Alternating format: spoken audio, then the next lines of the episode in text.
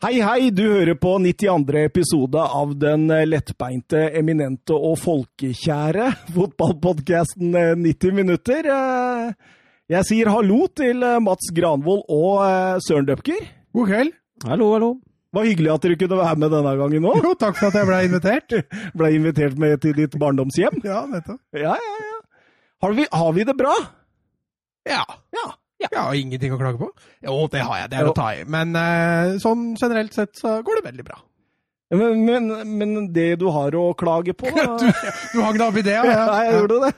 Nei, det er jo den eh, koronadriten, da. Altså, ting er normalt for så vidt på jobb og sånne ting, men det er drit med fotball. Altså. Ja, det er det. På, på treninger og sånt. Jeg hadde min eh, første koronatrening i går med jentene, og det er litt sånn Allerede du dør litt innvendig. Ja, du, du, du er ikke like optimist. nei, du er ikke det. Eller Du mann er ikke like optimist. Eh, Søren, du er like, likevel optimist, eller? Tja, eh, ja, jo, jeg er jo det. Ja. Men eh, jeg er jo enig i det Mats sier. at Man begynner å bli litt lei. Man blir jo det. Men jeg har egentlig ikke noe å klage på, jeg heller. Det går jo det går stort sett bra. Hvor lenge siden er det du har spilt en fotballkamp nå, Søren? Eh, det var 11. mars i 2020. Det er, det er drøyt. Ja.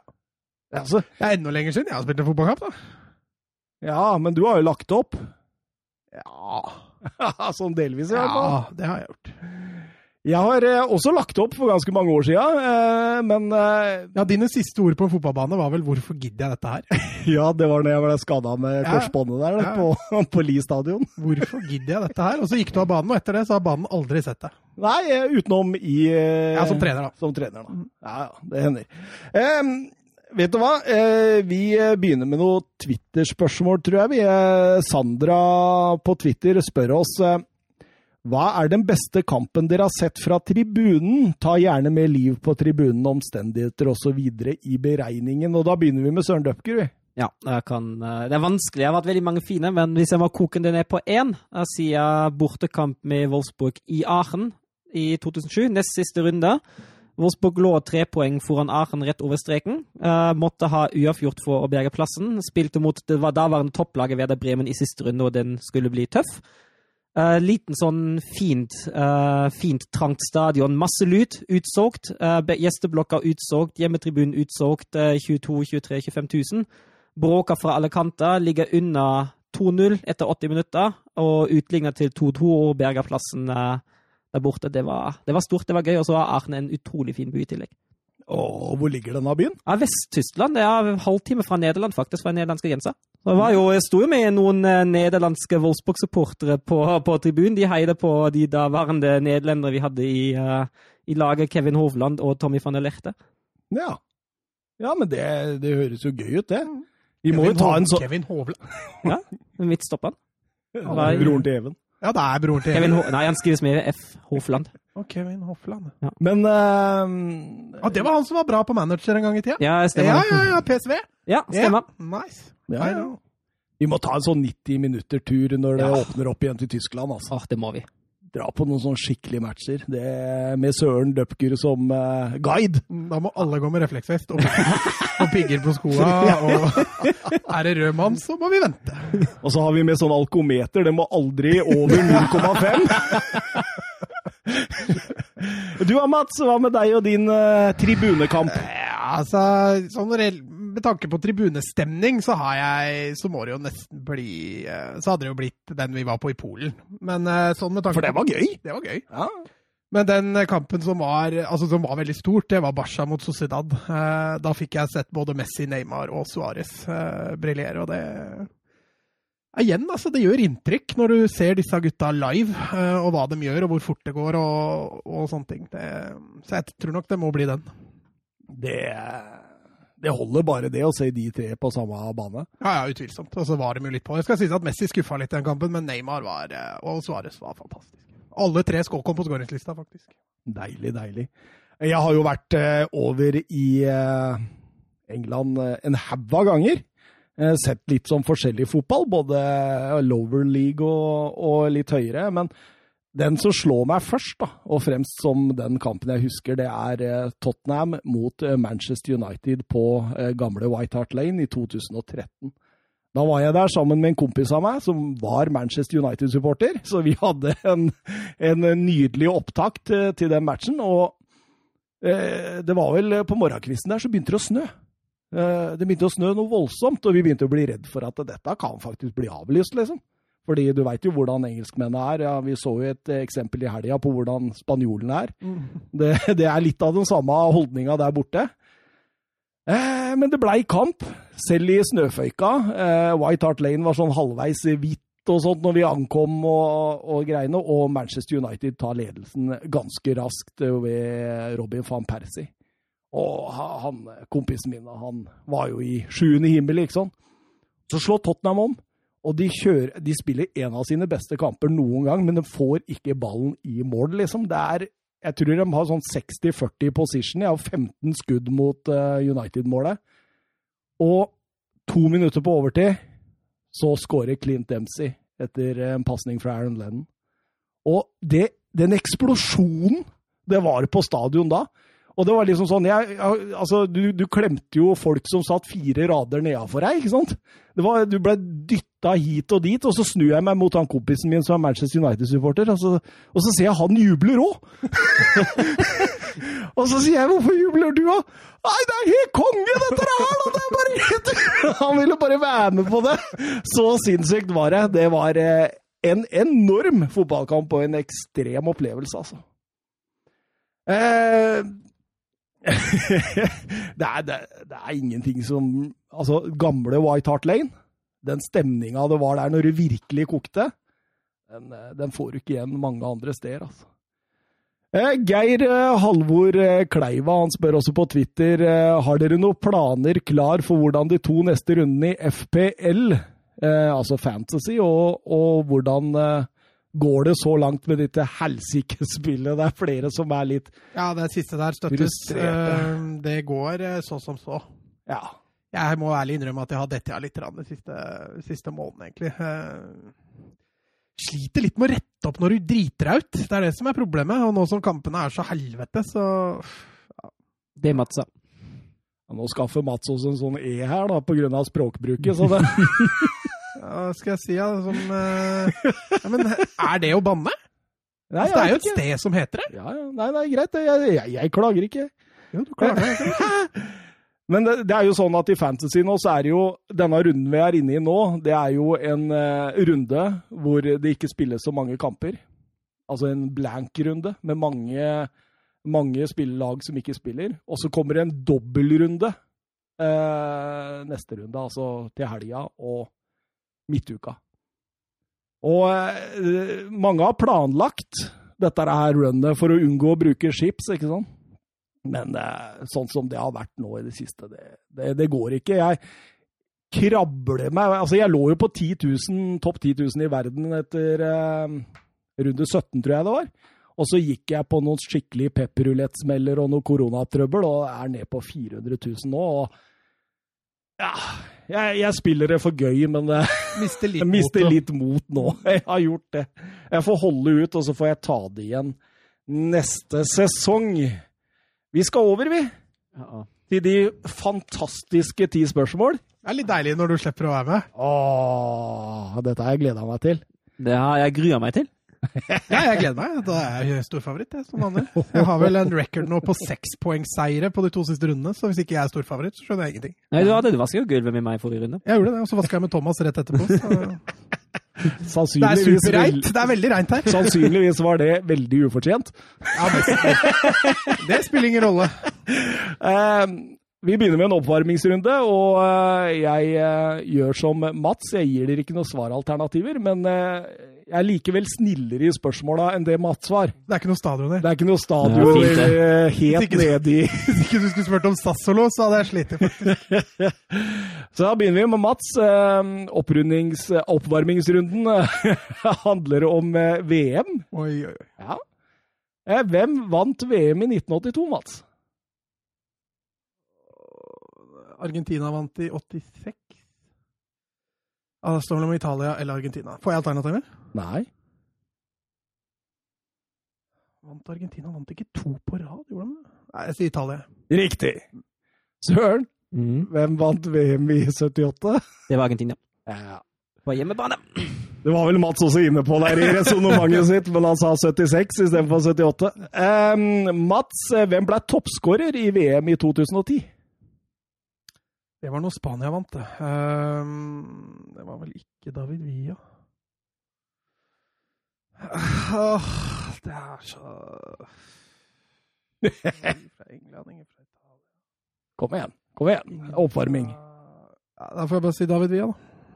Det er feil, søren, veit du. Thomas Mulla. Helt riktig. Det var derfor jeg ikke tok deg for 2010, er men du får 2014. Ja, den, hadde, den hadde vært med. Eh, det var da Tyskland vant i Brasil. Ja. Veit du den, eller, Mats? Ja, først, Nei, Jeg kan kanskje ikke si noe ennå? Nei, nei, du bør jo ikke det før han Nei, ok. Da venter jeg til han er Mm. 2014. Ble det Lionel Messi? Det blei det ikke, søren. Det ble... Nei, Det første som slo meg, var Klause, men det er det jo ikke, Nei. Ehm, Hames. Hames, gutta. Ah, selvfølgelig. Ja, selvfølgelig. Ja, ja. Mats, hvem tok, mottok gullballen for turneringens beste spiller i 2010? Messi fikk den i 14. Var litt diskutabelt, den der. Mm. Så fikk den i 2010, ja. eh, Kan det da kanskje ha vært uh, Nei, for det ble delt ut før finalen, vet du, så da får ikke Iniesta den. Um, nei, jeg sier uh, Chavi! Får jeg lov? Du kan prøve. På land? Ja, helt riktig. Forlan. Han er flink, da. Ja, Men uh, du har jo allerede røpa spørsmålet hans, da. Uh, Gullballen for turneringen 2014. Nei, det var Messi. Det var Messi. Så da Mats, den denne tapte du fortjent, faktisk. Burde ikke jeg få det poenget, siden jeg tok det siste spørsmålet? Uh, Bør jeg ikke spørre Søren om en penn heller? For... Du har fortsatt den. Jeg lurer på om du hadde fra forrige, fra forrige gang. Eh, spørsmål nummer to her svarer dere annenhver gang. Til én svarer feil, eller det stopper opp. Og jeg vil vite, ifølge Transfermarkt, er de 17 mest verdifulle spillere med portugisisk pass. Mats. Jeg måtte ta 17 fordi det var planen å ta 15, men de tre siste er har like mye verdi. Ja, Så bare Cristiano Ronaldo. Det er riktig. Han er på en fjerdeplass. Ruben Neves. Han er på en sjetteplass. Felix Joao. Han er på førsteplass. Fabio Silva. Eh, Fabio Silva. Og han er på 17. plass! Eh, portugiser begynner allerede å stå rolig, vet du. Ehm, du har jo en del der, da. Ah, nei, eh, Nelson Samedo. Det er eh, riktig. Han er på tiendeplass. Den vil jeg ha nå. Hva sa du? Den, det var den jeg tenkte på. Ja.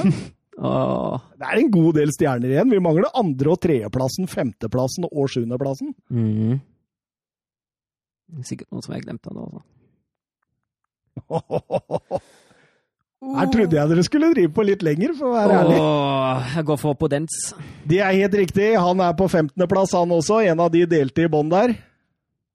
Det en til i Wolves, da. Jeg er litt usikker på den. uh, jeg får si Motinho, da. Moutinho er feil, Mats. Dere glemte Bruno Fernandes i Manchester United. Dere glemte Bernardo Silva i City. Dere glemte Ruben Diaz i City. Diego Yota, Joao Cancelo, Rafael Guerreiro En lang liste også. Det er ikke småtteri her, liksom! Du begynte å tenke andre ligaer, og det var dumt.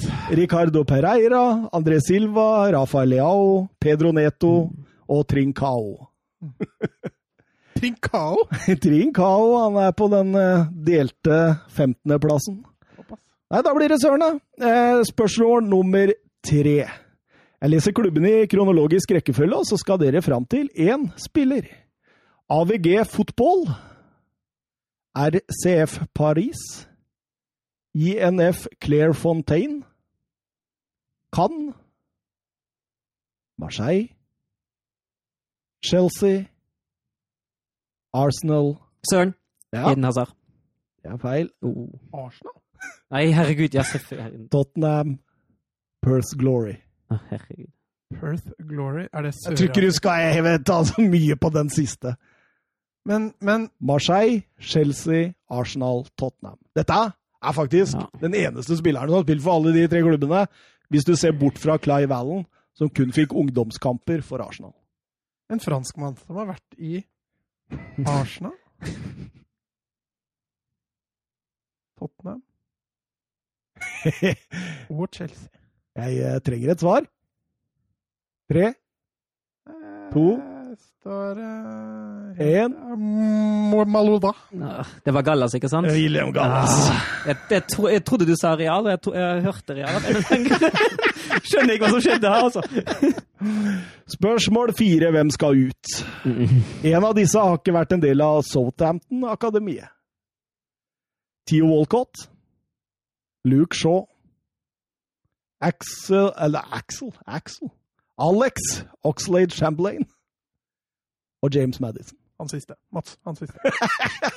Det er riktig. Hvor er han kommet fra, Mats? England. Coventry. Ja, riktig. 2-1. Fortsatt muligheter når vi går inn i en såkalt storytell. Vår spiller er født 9. desember Mm 1969, Søren. I Saint-Jean de Louise i Baskerland, og drev med mange idretter i ung alder. Det var likevel fotballen som sto hans hjerte nærmest. Han startet opp som ungkalv i det lokale klubben Les Anglais Handai, hvor han trålet barne- og ungdomsfotballen. Vår spiller var veldig sped bygd, så det var overraskende når selveste Bordeaux henta kantspilleren som kun 15-åring. Eh, Etter fire år på akademiet blei han endelig tatt opp i A-stallen. I 1988 med Christophe Dugari. Eh, treneren eh, Didier KK eh, ønsket å prøve vår spiller på backplass da veteranen Gernot Raa var ferdig og måtte legge opp. Etter den gang har han aldri Søren. sett seg tilbake. Ja. Vi kjente Lisa Rasso. Oi, oi, oi, den er tidlig, Søren. Den er tidlig. Ja, han var ikke på i det hele tatt, faktisk. 3-1 til Søren. Han går jo innom eh, Bilbao pga. sin eh, baskiske eh, bakgrunn, men eh, der går det skikkelig dårlig. En sesong hvor han krangler med treneren, to røde kort på 16 kamper, en haug av skader, og så drar han til Bayern München. Og der blir det en suksess. Der blir det en stor, stor suksess.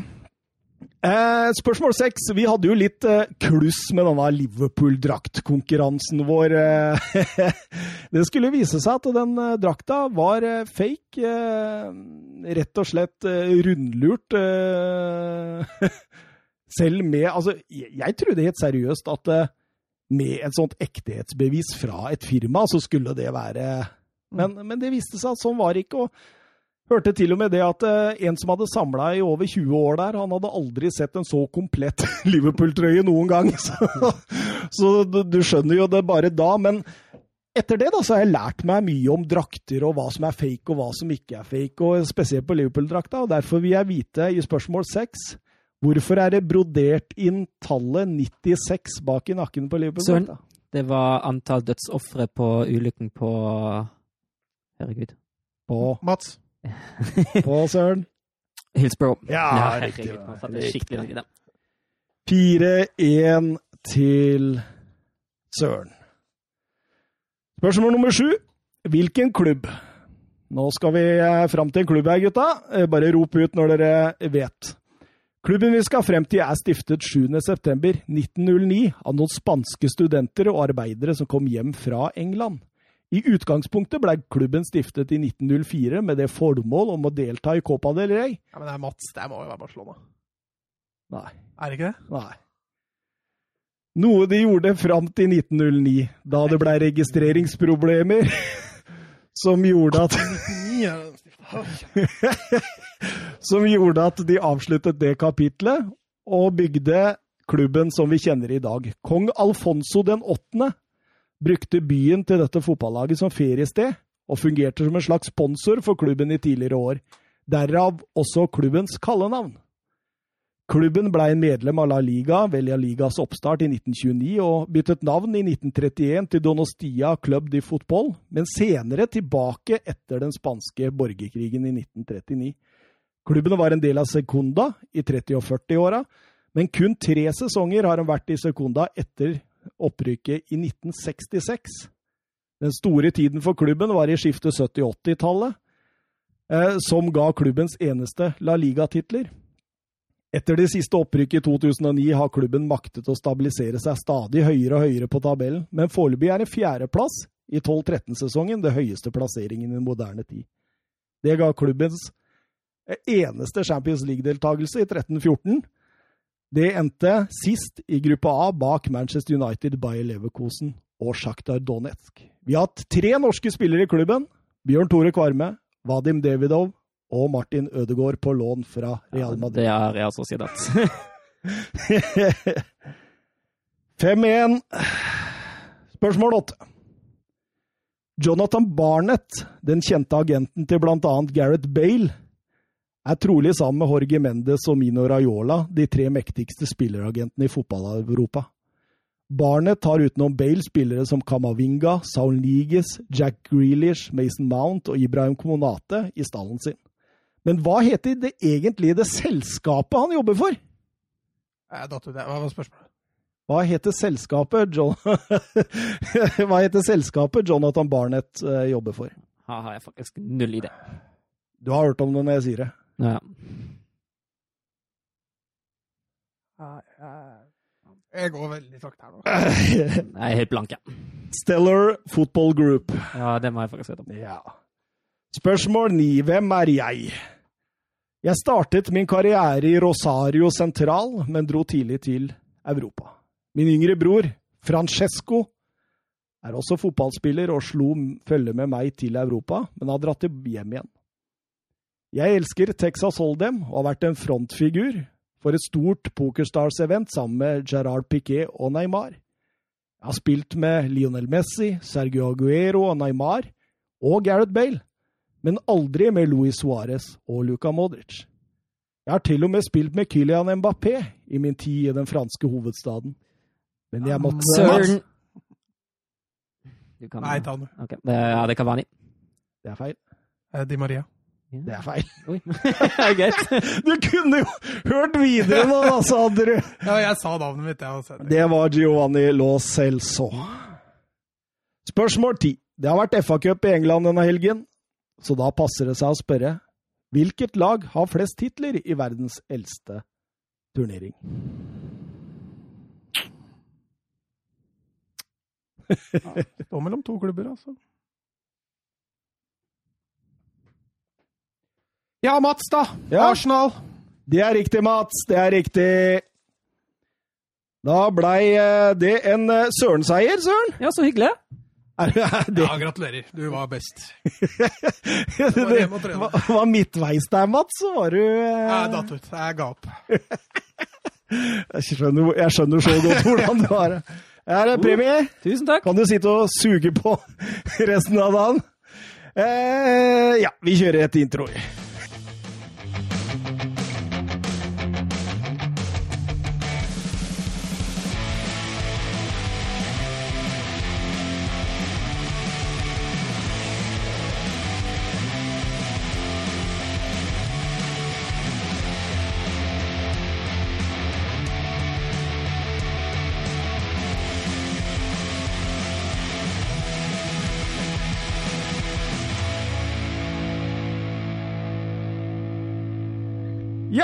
Og vi begynner eh, runden vår i eh, La Liga. vi. Begynner med Sevilla mot Real Sociedad, og for en kanonåpning på en match!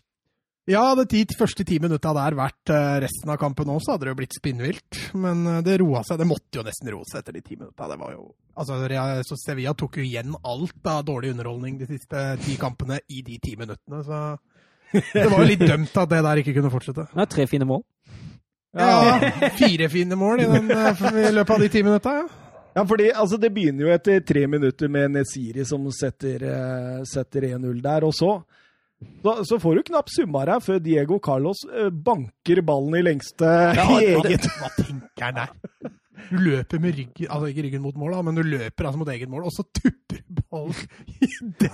En nydelig lopp. Isak kunne ikke avslutta bedre. Nei, og keeperen blir jo satt helt ut, så det er jo en fantastisk scoring.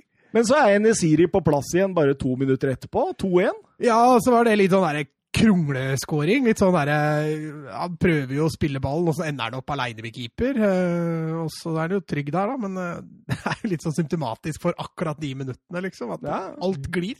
Det er helt vilt. Men jeg synes jo Den, den skåringa viser jo litt eh, hvordan den kampen ble for resten av omgangen. Og for Sevillas del egentlig også nesten resten av kampen, for den kommer jo til en dobbel gjenvinning, gjenvinning høyt i banen. Eh, og det skjedde jo veldig mye at begge lag var veldig gode til å vinne høyt igjen. Og særlig Sevilla syns jeg var fantastisk i gegenpresset.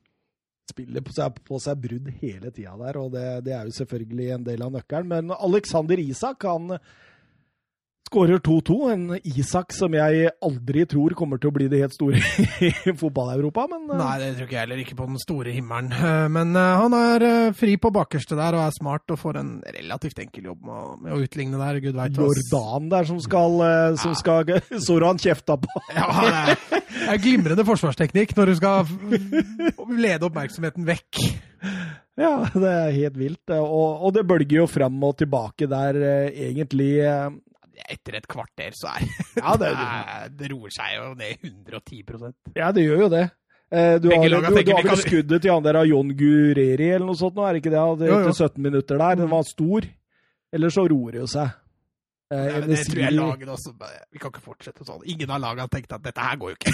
det blir- blir jo 10-10 til pause da, hvis vi fortsetter sånn.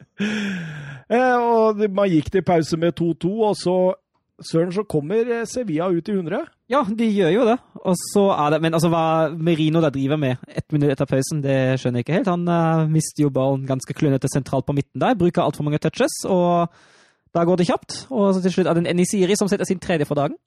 Ja, Starta og Campos der i forveien òg, som gjør eh, god timing der og slår den vel mellom beina på forsvarsspilleren. Og Enesiri, som også har litt flaks. Han går vel via forsvarsspilleren og setter Remiro ut av spill der, men godt utnytta. Og etter det syns jeg Sevilla er eh, fryktelig profesjonelle og gode. altså. Jeg er helt enig. Jeg syns uh, Det var litt sånn trist å se at Mikkel Merino dro fra. For Jeg er blitt glad i han. Ja, han er en god fotballspiller, altså. Han har jo vært innom både Newcastle og Dortmund på veien, og det er først nå han skinner sånn skikkelig. Mm. Ja, han har vært veldig bra i Sociedad. Eh, Så litt sånn usymptomatisk at det er han som surrer etter. Men det er jo som du sier, eh, Sevilla har jo full kontroll på dette utover i matchen. Det er akkurat som de OK, nå har vi tatt ledelsen, nå stenger vi av. Nå blir vi, går vi fra uvanlige Sevilla Mm. til vanlige Sevilla. Ja, det var jo veldig uvanlig å se Sevilla slippe inn to sånne typer mål i tillegg. Da. Altså, den Diego Carlos der, det er jo once in a lifetime selvmål. Eh, og sjeldnere enn det òg, faktisk. Du gjør det sjeldnere enn én en gang i livet. Eh, og den Isak, det er jo fullstendig hjerneblødning i, i markeringsspillet til Sevilla og Jordan. Da. Eh, så det er jo to veldig atypiske baklengsmål for Sevilla å få. Så egentlig burde Sevilla gått til pause der med 2-0, og egentlig full kontroll. Men så kunne, kunne mm. Leareal der når Condé redder på streken. Det Mm. viser Bono at han har lang vei igjen Ja. før han Jeg, jeg tror at en av de store tingene Lop eh, Lopetegi har på ønskelista si nå, er Ny keeper. ny keeper. Ja, det- eh, en høyrebekk og en ny keeper, tror jeg. Altså Odriozola nå i Real Madrid er jo, bør jo være høyaktuell for en retur. Får jo ikke spille i Real Madrid og er jo basker, eller er jo Sociedad. Eh, så den, den tror jeg hadde vært spennende. Og så fått inn en keeper. Og Har jo også Lopetegi signert ny kontrakt, hvis ikke jeg leste helt feil, eh, til 23, så Men, men, men jeg tenker jo fordi Bono, han er jo en keeper som ikke står til laget, hvis du skjønner. Altså Sevilla som skal være så bunnsolide, ikke sant. Og så har du egentlig en keeper som kan levere de mest fantastiske redningene. Men også, altså han har jo et, eh, på en måte en slags variabel i prestasjonene som er alt, altfor stort for å skulle spille keeper i et sånt lag. Mm. Og så har de hatt Vaklik før, da, som har vært Han starta jo veldig bra og blei hylla blant Sevilla-fansen og, og var stor, men så har den også ned, kurven gått nedover. Så jeg tror nok Sevilla bør ha en keeper høyt på ønskelista si så kjapt som mulig. Husker du kampene Bono hadde mot Manchester United? Ja, ja, men, men i Europa League, den, det sluttspillet der, da var han jo helt enorm, og da blei han jo førstekeeperen til Sevilla. Han var jo bare på lån fra Girona, hvis ikke jeg Ja, ja. husker feil. Eh, Og blei jo da kjøpt pga. på grunn av de prestasjonene der, og tok seg til første, blei førstevalget. Men nå syns jeg det har surra langt mer denne sesongen. her. Absolutt. Nå skulle vi egentlig ha gått videre til Atletico Madrid mot Atletic Club, men det, det Mats, det, Det snødde bort. det snødde bort. eh. Ja, Bilbao. Jeg tror jeg leste om det, at de faktisk var i Madrid, men eh, det, det lot seg ikke gjennomføre, den kampen der. altså. Getafe var jo også i Madrid. Eh, de måtte jo Altså, de, de, har jo sånne luksusbiler, og i hvert fall ikke Vinterdekk. vinterdekk nei. Så de kommer jo seg ikke av flekken når de skulle på kamp. Så La Liga bestilte en haug av sånne Uber-biler for å komme og hente dem. og, og, det endte jo med at det dukka opp bilder på sosiale medier av Getafe-spillere som sto og spadde snø foran disse Uber-bilene. Det er helt fantastisk.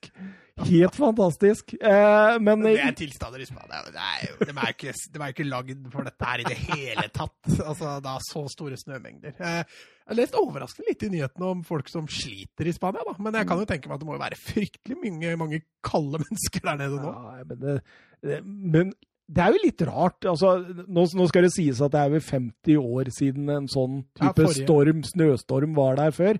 Men liksom at de ikke har noe backup til dette, liksom. Det er veldig rart. Ja, for jeg kan, ikke- altså, Kommer jo nødetater og sånn? Kommer dem? Nei, de gjør jo ikke det. Ambulanser står jo og sklir enda. Fortsatt ikke stoppa? fortsatt ikke stoppa der, så det er merkelig. Men den kampen blei avlyst, og da må vi videre til Granada mot Barcelona, for der ble det spilt kamp, Mats. Der ble det spilt kamp, eh, og ja, det glei bra for Barca i den matchen der. Eh, Jeg synes, jo, altså, den, Vi kan godt diskutere den offsiden, for der, eh, der var jeg veldig delt, ass. Jeg, jeg, tror det som, det, som, det som gjør at det ikke er offside, eh, det er den skytebevegelsen han Ja, har. altså, det blir en ny situasjon. Ja, fordi han, han altså Hvis han bare hadde dultet bort inn, tror jeg ikke det hadde skjedd noe. Men siden han aktivt prøver å skyte barn, og det blir mislykka pasning, da blir det blir det oppfattet som at han er, han er Ja, det blir regna som en ny situasjon. Mm, ja. Siden han, han er levert å ha en aktiv handling mot barn der. jeg tenkte, Min umiddelbare tanke var at den blir annullert. Ja, jeg tenkte jeg også umiddelbart. Mm. Uh, Den, den er veldig vanskelig. Ja. Men det var jo samme også, de fikk vel et mål der hvor eh, Busquets henser. henser, og den Mm. var jeg sikker på skulle annulleres. Ja, men- men det, det skjønte jeg ikke. Men så hørte jeg det at det var nye retningslinjer fra VAR om at det skulle Altså, eh, tiden har blitt snevra inn fra eh, forseelse for til Ja. det, den går i mål. At denne tida på en måte var utløpt. da. Ja. Og det, var det, samme, det samme har jo skjedd i bl.a. Premier League òg. Det er samme retningslinje der. Ja, ja, jeg klager ikke, jeg. Altså, men, eh, Nei, for det altså, var jeg vel tenkte jo 2-0-målet. Ja, Messi, det målet var jo strøkent, så kjipt om den hadde blitt annullert, selvfølgelig. Men eh, To-tre småtouch der, og så bare bender han i. Er, er det Messi? Er han på vei tilbake litt i ja, de to siste kampene Nå skal vi ikke snakke om Atletic-kampen, men han og Pedri i den Atletic-kampen Det er det er lenge siden jeg har sett eh, Barcelona-spillere briljere på den måten her. Altså. leke fotball nå, Messi, jo, eh, Søren. Ja, det ser ut til å være i en veldig god, veldig god fase. Nå har jo vært en litt sånn forsiktig start, for å si det mildt, på, på sesongen. Men uh, veldig hyggelig at den kommer seg. For, altså, å se en Lionel Messi i toppform, det er jo noe av det beste man kan på en fotballbane. Og nå er han jammen toppskårer i, La Liga, altså. Ja, han satte jo det frisparket rett etterpå der. Et eh, smart, eh, litt heldig òg, at eh, muren akkurat blir stående sånn. Og så får han den trefferen. og selvfølgelig akkurat det lille hølet nederst i stolperota der. Så skåret han på frispark igjen, da. Deilig. Lenge siden sist, egentlig. Jeg tror jeg leste et eller annet om at han siden han blei liksom første frisparkskytter i Barcelona, så har det aldri gått så mange frispark mellom to skåringer som det det har gjort nå. Så han har jo bomma mye i det siste, så det, det var jo fint for han å se den smette inn. Og da var det 3-0 til pause. Det var jo full kontroll, Matt. Ja, ja, ja. Eh, På det tidspunktet, altså De fikk jo egentlig kontroll på 2-0. Eh, Når de fikk 3-0, så var det jo Altså, Granada ble tvunget til å gjøre et par bytter i pausen der, for det fungerte jo ikke i det hele tatt for Granada. Verken offensivt eller defensivt. og Grunnen til at heller andre omgangen ikke ble noe sånn voldsomt fyrverkeri, var jo at det virka som Basha tok eh, beinet litt av gasspedalen i andre omgang der. altså. Mm. Jeg er helt enig med deg. De, de bare så ut kampen, som vi liker å si i denne podkasten her. Grismann gjør eh, 4-0 og, Ja, Den kan vi jo snakke litt om òg, for det er Ja, utrolig bra. Altså, Det er lenge siden man har sett Grismann gjøre noe så Eller jeg tror aldri jeg har sett Grismann gjøre noe så genialt i en Barca-drakt. Ehm, får en chip gjennom der av Dembélé, bruker én touch på å kontrollere en veldig skrått hold, og så fyrer han på neste. Uh, keeper blir nok litt overraska over at skuddet kommer så fort, og, eh, men bra satt. Men er Dembélé på gang òg? Ja, jeg syns også det, men nå har han jo vært skadefri et par uker, og det, det, det, hjelper, det hjelper jo med en gang. Ikke sant? Eh, Hvis, han, hvis de bare greier nå å holde han skadefri, at han spiser den maten han skal, og ikke det junkfoodet og sitter oppe til langt på natt og gamer og sånn, så kan det hende de greier å holde han skadefri en stund til, så tror jeg det der blir, eh, blir bra. Og største spenninga i kampen utover var vel egentlig får Grismann hat tricket sitt når uh, Messi ble tatt av der? Ja, han kjente en lyske der. Det florerte jo med videoer hvor Koman nærmest spør Messi om han kan bytte den ut, eh, og får klarsignal fra Messi om at oi, eh, oi, oi. Kan, du kan bytte meg ut. Så det var jo litt sånn Her ser man hvem som egentlig er sjefen, liksom. Så, men litt rart. Det er lenge siden Messi ble bytta ut. Men hvis han sliter med en lyske, nei, med et lår, lår der, så, så, er det jo fornuftig, selvfølgelig. Og Braithwaite, han kunne gjort 5-0. Jeg holdt på! Det var så nære at jeg skrev på Twitter! Og du kjenner meg, det er ikke ofte jeg skriver på Twitter. Men det byttet der, har vi noen gang sett et bytte i fotballen med større kvalitetsforskjell? Nei, men altså, altså reagerte jeg på hvorfor bytta han inn Braithwaite deg? Hvorfor velger han Braithwaite så tidlig? Altså, ja, men, altså, du tenker på, altså, Trincao ble også bytta inn ja, tidlig. Ja, men hvorfor, hvorfor velger du ikke Trincao først? Jo, oh, jo, det kan jo. altså, hvorfor står Braithwaite først i innbytterkøen? Det er liksom det jeg lurer på. Ja, hvorfor man elsker Braithwaite? Ja, han gjør jo det. Altså, Hvorfor Braithwaite står i den køen i det det kan du jo lure på. Men uh, han, uh, han, han, har en liten forkjærlighet for Braithwaite. Men du må jo sitte og smile når han gjør det. Her kommer tidenes beste fotballspiller bli bytta ut så har jeg ikke lyst til å være slem for Braithwaite, for jeg kjenner han jo ikke, og jeg, han er sikkert en kjempekar. Ja, ja. Men det er jo en av de svakeste Barca-spillerne på, på, 40 år. altså. Han må også, i likhet med Choupo-Moting, sannsynligvis en god agent. Han kommer fra Leganes, da, så han er jo hakket under Choupo-Moting-agenten. ja. Kanskje gå inn på Transfermarkt og se hvem, om det er samme agent. Men, men, men, men, det kommer litt an på hvis Braceways neste klubb nå er PSG eller ja. Milan eller noe sånt. Da skal vi snakke. Da, da, da snakker vi. Men uh, Busquets, uh, hyll hyll, 600 kamper, uh, klatra opp på fjerdeplass over spillere med flest obligatoriske kamper i Barcelona. Mm. Uh, tar vi de tre med flest kamper? Ja, tar, jeg tar de to første, tror jeg. Uh, to av de, tror jeg. Xavi er én. Ja. Og så er Messi én. Messi er to, ja. ja Man ja. kan gå forbi Xavi i løpet av de mm. nærmeste 15 matchene eller noe. Og så jeg, altså, jeg er litt sånn usikker på tredje. Kan det være på Yol? Nei, nei, nei. Det er vel en nei. annen gud for, for han her borti her? Ja, altså er, er det langt tilbake i tid? Nei, nei, nei. Du, du, du elsker den du elsker den kanskje liksom? ja, Ja. Du elsker den mest av alt i hele verden. Men du, du hadde jo han andre Jeg husker ikke navnet på han. Glem bikkja, glem barna. Det er Iniesta er din kjærlighet. For Victor Valdez også er høyt der oppe, og så har du han der som jeg aldri husker navnet på, han som spilte på 70-60-tallet. Det er i hvert fall Busquets på fjerdeplass nå. Han, eh, ja, han har en 70-80 kamper opp til Iniesta, så det spørs om han Altså, Busquets får nok eh, ikke så mange sesongene til, tror jeg. Jeg tror ikke det. Eh, at han får denne pluss én eller to til, det gjør han nok. Koman han hylla Messi eh, etter kampen. Snakka om at de har et fantastisk samarbeid eh, osv. osv. Fra dag én, faktisk, sa han. Så han eh, åpenbart heller litt solskinn over det forholdet. Har du helt tro på det? Det samarbeidet? Ja, At det, at det altså, er knirkefritt? Nei, jeg tror ikke det var knirkefritt i starten. Det har jeg ikke noe tro på. Men at så lenge Barca vinner kamper, så er jo alle fornøyd. Eh, og så lenge Messi Men Messi har eh, de tre, som sagt, de tre siste kampene han spilte, den rett før juleferien, og de to han har spilt nå etterpå. Det har vært eh, solid, altså. Så det er åpenbart at det er et eller annet i spillet til Messi nå som har forandra seg litt. For det er en annen positivitet og en annen intensitet i spillet hans. Og én ting er at han sikkert har kommet i bedre form, men jeg, jeg tror det ligger noe mentalt der òg. Tror du han skriver kontrakt? 50-50. 50-50. Mm. Eh, Koman snakka i hvert fall om at han håpa klubben avså noen midler til noe januar-shopping. Ja, nå blei også Arojo skada igjen, så da måtte jo Umtiti børstes støv av. Uh, har jo knapt nok spilt uh, lenge siden han starta en kamp. Skulle egentlig ikke ha starta denne her heller, men uh, ender jo da opp med Umtiti og Minguesa på stopperen, og det er faktisk de to eneste stoppere. Altså Minguesa er jo strengt tatt ikke førstelagsstopper heller, så dette har jeg sagt før, en stopper det er prekært, altså. Mm. Og så henter han Wijnaldum. ja, han signerer vel ny kontrakt nå. Jens, ja. Jens Trygge Larsen. Jeg tror nok Depay kanskje er nærmere. Ja. Uh, og da kanskje de kvitter seg med Braithwaite. Osasona Real Madrid. Real Madrid-spillere satt eh, fire timer i fly, fikk ikke letta fra Madrid, og det blei en sånn vanskelig start på kampen. Masse snø i lufta, minus én eh, grad og Det var voldsomt mye, i hvert fall ifølge Zidane etter kampen, eh, men eh, Altså, jeg, jeg føler jo altså Hvis man opptrer sånn det Real Madrid-laget gjorde, i hvert fall i første omgang uh, Det var ikke en eneste målsjanse, hvis jeg ikke har talt helt feil, i hele første omgang. Var ingenting der. altså. Osasuna hadde ikke mye, dem heller. Nei da, men altså, det liksom, altså Osasuna tenker jeg går inn i den kampen og tenker 0-0. Det er helt greit, det kan vi fint leve med. Det gjør jo ikke, ikke Real Madrid. Og så tenker jeg for det første, når de har ball, når de spiller etablert, at det, det blir så statisk. Det eneste de gjør, den vanlige trekket er ut fra sentral midtbane, ut langs, langs diagonal, mot Mardi. Og så prøver man å slå det inn, og så har man få folk i boksen, og så kommer man ikke fram. Og det neste jeg reagerte på, er når de først ikke klarer det etablert, altså at de blir så passive i presset, at de ikke går opp høyere, at de ikke prøver å vinne banen høyere, prøver å ta Osasuna med ubalanse.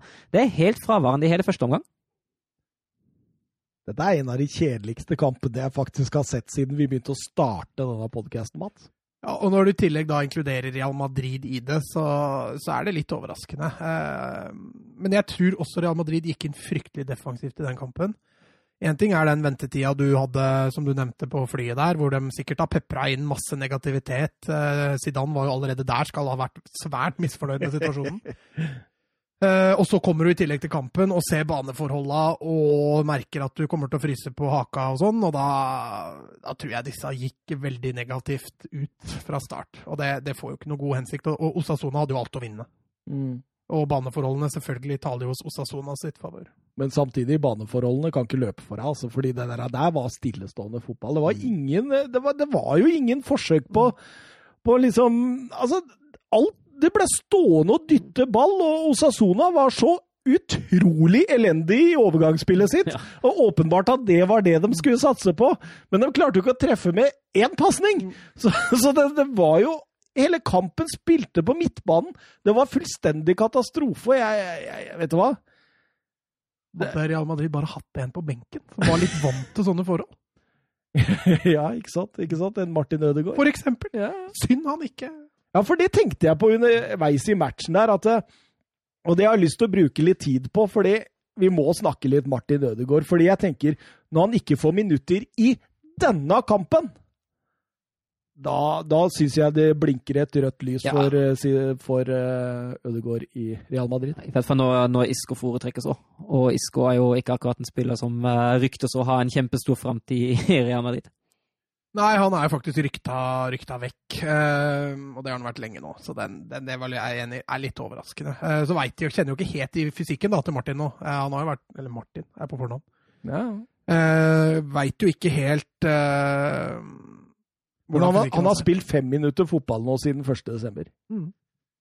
Og, Han har vel vært skadefri i den perioden nå? Ja, han han har jo det. Mm. Og det, jeg, jeg, syns liksom på en måte at det nå blinker det det røde lyset her, fordi eh, dette her var en kamp som på en måte Altså, du, du fikk det ikke noe mer Martin Ødegaard-kamp. Det var nesten ikke noe trussel eh, defensivt, og du hadde masse spill midt på banen hvor man kan eh, nærmest penetrere disse ballene gjennom ledd og skape ubalanse. Og det er det Martin Ødegaard er god på. Han er god på å dra av og sette har, i gang. Han har ikke gjort så mye av det når han har fått sjansen, da. Nei, men det betyr jo ikke det at han aldri skal få sjansen mer igjen. Nei, det gjør jeg jo for så vidt helt enig med deg i, men det han har bevist til nå i Real Madrid, tilsvarer ikke at det er en go to-spiller for Zidane i en kamp som det her. Men, eh, men bør han vekk? Så, altså, som står her nå, ja? Ja. Ja, Utvilsomt. Ja. Altså, jeg vet ikke, var du med når vi diskuterte med en, en venn av oss eh, fra Strømmen Tre-glansdagene? ja, ja, det var jo meg, det. Var det deg, ja? Det var meg og deg og oppmannen i strømmen, holdt jeg på å si. Ja, ja, sportslig, sportslig leder i Strømmen. Ja. Han hylla Ødegaard til Real Madrid. Det valget, ja. Det valget å gå dit som 15-åring. Og vi to satt og diskuterte at det var noe av det dummeste han kunne gjort. Og for hver dag som går nå, så får vi bare mer og mer rett. Vi gjør jo det. Vi gjør jo det. Og det, det beviser han jo den sesongen han er i Real Sociedad. Så beviser han jo at han har Altså, han gått til Real Sociedad da, kanskje? da, Eller Han, han gått til Nederland med en gang. Ja, for eksempel. Altså, et- En liga som er så god til å utvikle, som har høyere nivå enn det norske, men han ikke kunne, kunne gått til Tyskland òg. Ja, for all del. Ja, ja, ja, for all del. Han var jo linka til noen tyske klubber der, var han ikke Ja, det? han kan linka over hele verden. Ja, I Europa, i hvert fall. Men, men at, dette, at han bør nå begynne å, å se på andre løsninger, eh, det er jeg overbevist om. Altså, Real Madrid hadde jo spillere hadde hatt et møte med Zidane for et par uker siden hvor de diskuterte litt i forhold til spillelogistikk og sånn, og der hadde de visstnok blitt enige om at eh, Zidane skulle rullere mindre. Ja. Og det er jo åpenbart at det har han jo også gjort. Han har rullert mye mindre. Ja. Modric, Casemiro og, og, og Kroos er safe på den midtbanen så lenge en av dem ikke er suspendert. Og forrige kamp viste også at Valverde står foran i køen. Og Isco? Isco står foran i køen. Sånn at eh, Ødegaard der nå, det er gronfast, hvis han ikke kommer seg noe videre nå. Det er klart, Nå blir det mye kamper framover. Altså, det blir jo Champions League og Copa del Rey og Supercupen kommer jo nå denne uka her og helga som kommer nå. Så, så, det blir jo en del kamper, så han vil jo helt sikkert få litt spilletid. Men uh, Ødegaard som spiller fem minutter i måneden, det holder ikke. altså. Hvor er det vi vil ha han, da? Søren? Jeg kunne jo tenkt seg et, uh, et lag i Tyskland, for eksempel. Jeg tror den tyske ligaen hadde passet ham ganske greit. Hvis det hadde, Wolfsburg, eller? jeg hadde, altså, jeg hadde tatt den, men det Du hadde tatt den lett. litt, ja. Hadde ikke villet. Nei, jeg, jeg, jeg, tror, jeg tror ikke det skjer. Nå har man jo, har man jo henta inn uh, Maximilian Philip, som gjør det sånn helt OK når han er frisk. Uh, og så tror jeg at Ødegaard er litt sånn prisklasse for høyt for Wolfsburg. Leverkosen, kanskje? Leverkosen? Høres bra Ja, Leverkosen tror jeg hadde vært Han spiller jo litt sånn Ødegaard-fotball òg, litt direkte. Eh, Fått litt eh, samba-feelingen med Mm. Florian Wirth, så kunne det blitt bra, det, Søren. Det kunne blitt bra. De var jo interessert i å låne ham der. Også, eller de var jo interessert i, uh, i Ødegaard. Uh, det ble ikke noe av fordi de måtte vel låne han, og da var det vel ikke noe, ikke noe fornuftig. Stemmer det. stemmer det. Altså, det var et par eh, norske Sociedad-supportere som ville ha ja, Jeg tror faktisk det er eh, generelt også i uh, Sociedad-supportermiljøet. Ville ha han tilbake igjen. Mm. Med under hashtaggen Free Martin eller Free Martino. eller det er bra, eller bra, bra. Så, men jeg tror han tilbake igjen i Sociedad også ville vært Han han har jo en veldig høy standing Mm. hos fansen i Sociedad. Så er det litt det jeg nevnte i stad, før vi gikk på podden, at eh, David Silva skadefri. Det er ikke sikkert Martin får posisjonen han er best i.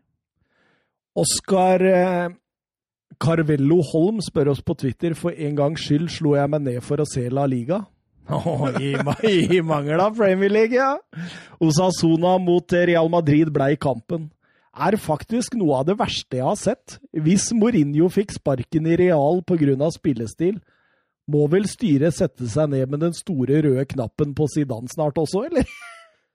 Ja, det kan jeg jo si. Nå fikk vel ikke Mourinho sparken, for den kontrakta gikk vel ut. Eh, Men han blei nok delegert videre på mangel av vinnende trofeer, var vel egentlig eh, hovedargumentet. Der vant vel én La Liga og én Copa del Rey-titler. Det var litt med spillestil å gjøre òg, var det ikke det? Jo, altså, Capello har jo fått sparken i Real Madrid selv med seriegull. Ja. Så det er en viss forventning der. Eh, Og det er det flere Real Madrid-trenere som har gjort også, så det, det er litt krav der. Men Zidane har jo den historien, og det er litt sånn Solskjær i United. Det sitter nok litt lenger inne å fyre Zidane, men den kamp er bare å, bare å, smøre deg med litt tålmodighet. Setter deg der og ser La Liga for første gang på veldig lenge, og så får du den kampen, så skjønner jeg, skjønner jeg det er nedtur. Altså. Ja, men det, det, altså, jeg tenker jo på altså, Real Madrid har jo vært i en veldig god, god flyt nå, eh, spesielt eh, siden eh, 0-1 borte mot Sevilla der eh, 1.12. Og, og stort sett alle kampene jeg har sett Real Madrid, da, når de også på en måte har dratt til land eh, tre poeng, så har det vært altså det, det er ikke sprudlende offensivt, det er mer kontrollerende. Mm. altså er det jo, altså Real Madrid har vært solide. På de åtte siste så har de seks seire og to avgjort. Knapt nok sluppet i mål, egentlig. Ja, så spilte de vel 0-0 Ja, spilte de med 0-0 nå mot Osasona, og så hadde de vel 1-1 mot Elche, tror jeg, for to runder siden eller sånn. Ellers Stemmer, så stemmer. Har de vel hadde jo med Celta-seier før der igjen, og de har jo slått Atletico, og de har Men alle disse er liksom Hvis vi skårer et mål, og så roer tempoet ned, og så begynner vi å spille ball Mm. Det er liksom ikke noe sånn uh, Jørgen Klopp-fotball vi går for to og tre og fire, eller i hvert fall sånn Klopp var for et par sesonger siden. Han har blitt litt mer rolig, han òg. Mm. Ja. Men det gjør at når de spiller så kontrollerende fotball, da, så balanserer de også litt sånn på en knivsegg. Mm. Uh, for uh, skulle det butte litt, så blir det gjerne sånne kamper som mot Elche og som mot, uh, mot eh, Osasuna nå. Så han trenger et go to move for å løsne opp i kampen. Altså. Men det virker som denne koronaen har gjort sånn at det er flere og flere lag som liksom på en måte alltid har gått for nummer to og nummer tre, ikke gjør det lenger. Det gjelder flere ligaer. Ja, det gjør det. Det er ikke bare, Men Spania er enig, de skiller seg kanskje litt ut. Ja, men også, Se også Liverpool, se også Manchester City. Ja, Det er mye mer kontrollert nå når de, når de leder. Altså. Kampprogrammet også kommer jo Ja. mye tett. Og det har nok noe med det å gjøre, tenker jeg. At, og det å hvile underveis i kampene kan være en stor fordel. Mm. Eh, Real Valladolid mot eh, Valencia er vår siste kamp fra La Liga. Det var to lag i, i poengnød, Mats. Det var to lag som trengte en trepoenger, ja. Eh, litt, eh, litt dumt å safe inn en uavgjort der, selvfølgelig. Eh, Men eh, Eller det var ikke en fyrverkeri av en fotballkamp, altså. Men allikevel, Valencia vinner jo i hvert fall fullt fortjent. Eh, Hadde jo et par feite sjanser der som de burde ha omsatt tidligere. De hadde jo også ballen mest, så det er ikke noe å klage på den seieren der, selv om kanskje Jordi var en liten keeper- keepertabbe eh, der, men han hadde vært så god under hele kampen. Ja, han var bra, Så- Eh, men du ser den flakken på ballen. Det setter jo keeper helt ut. Eh, Du må karakterisere det som en keepertabbe fordi ballen går midt i mål. Men samtidig så, så skjønner man at det går an å feilberegne den der, liksom.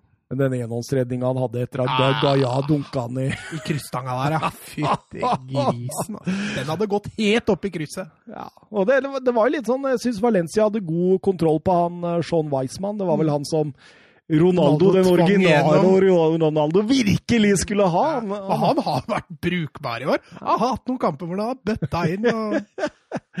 Så det kan vise at Ronaldo hadde et poeng. Men eh, det var- blei jo Sevilla-seier 0-1 her etter Carlos Soeler sitt kanontreff der som vingler litt. Og, ja. og jeg, jeg- tenkte på det når det målet kom. Gaia til Soler. Ja, Mm. Det er kanskje de to som holder Valencia oppe i år. Ja, i hvert fall sistnevnte der. Soler har jo vært bunnsolid. Jeg syns Gaia er bra. Ja, han er jo strålende. Men, men Soler har jo litt mer, han er litt mer toneangivende i kampene pga. posisjonen han spiller og sentral midt. Eh, Han har jo vært, eh, han har jo vært veldig bra og er jo klubbens toppskårer. Har han fem straffespark? Ja, fem straffespark, tror jeg. Og det var første spillmålet hans nå, da. Eh, Men det dytta i hvert fall Valencia over nedrykksstreken og over Valladolid. Så med mindre Osasona snur kampen nå i dag mot, mot Granada, som de ligger under, så ligger Valladolid rett over streken. Ble helt sjokkert her, fordi Carlos Soler og Enesiri nå, da, fra den runden der, Mm. er de eneste to i La Liga som har skåret hat trick etter pandemiutbruddet. Mm. Det er få hat trick, altså! Det er veldig få. det sier kanskje litt om La Liga òg, at han har Blitt mer kynisk. ja, blitt litt mer kynisk. jo- vi har snakka om det før, at det blir litt, litt flere mål. der, Men den runden her var jo sånn sett egentlig OK. Men det hat tricket til Soler, det var vel fra 11-meteren? Er Ja, det var jo tre straffer, så han bom, bomma. Han fikk vel flere sjanser òg den ene gangen der. Men uh, Valladolid, de, Guardiola han hadde en i stolpen han helt på slutten. Hadde ikke det vært typisk Valencia? Ja, ja, det hadde vært veldig typisk. Og hadde den gått inn, så hadde de ligget under streken, hvis ikke jeg tar rett feil. Ja, de hadde jo ikke vunnet på sine åtte siste. Så Ja, det var, det var en Ja. viktig seier for Valencia. Men det er veldig tett og jevnt i bunnen av La Liga. det er det. Det er, det er vel bare fem poeng, tror jeg, fra, fra åttendeplassen eller noe sånt ned til nedrykk. Så det er, det er fryktelig jevnt. Mm. Men Atletico Madrid, altså med disse hengekampene, de har det litt i sin hule hånd, altså. Ja, skal han spille i kveld, da? Mot Sevilla, hjemme. Eh, Simione var visstnok litt avfeiende angående det forspranget der, eh, og mente at Sevilla var en utfordrer. Sevilla har jo bare én kamp mer Ja. enn Ja. Atletico kontra Barca og Real Madrid, som har tre Mm. kamper mer. Så hvis Sevilla skulle finne på å vinne i kveld, da, så jevner jo det forspranget seg litt grann ut. Søren, man blir et svimmel av å se på den der La Liga-tabellen. Ja, det er det Altså, antall kamper ødelegger. En ting er den jevnheten, for det finner vi både i Tyskland og England og, og alle steder, men, men det at det er så ujevnt fordelt på kamper, det Altså, Sociedad har jo én kamp mer spilt enn alle andre. De, de ligger én serierunde foran. For det er 18. serierunden, men Sociedad har 19 kamper. Det er pga. supercupen som skal spilles nå, da. Men uh, litt merkelig.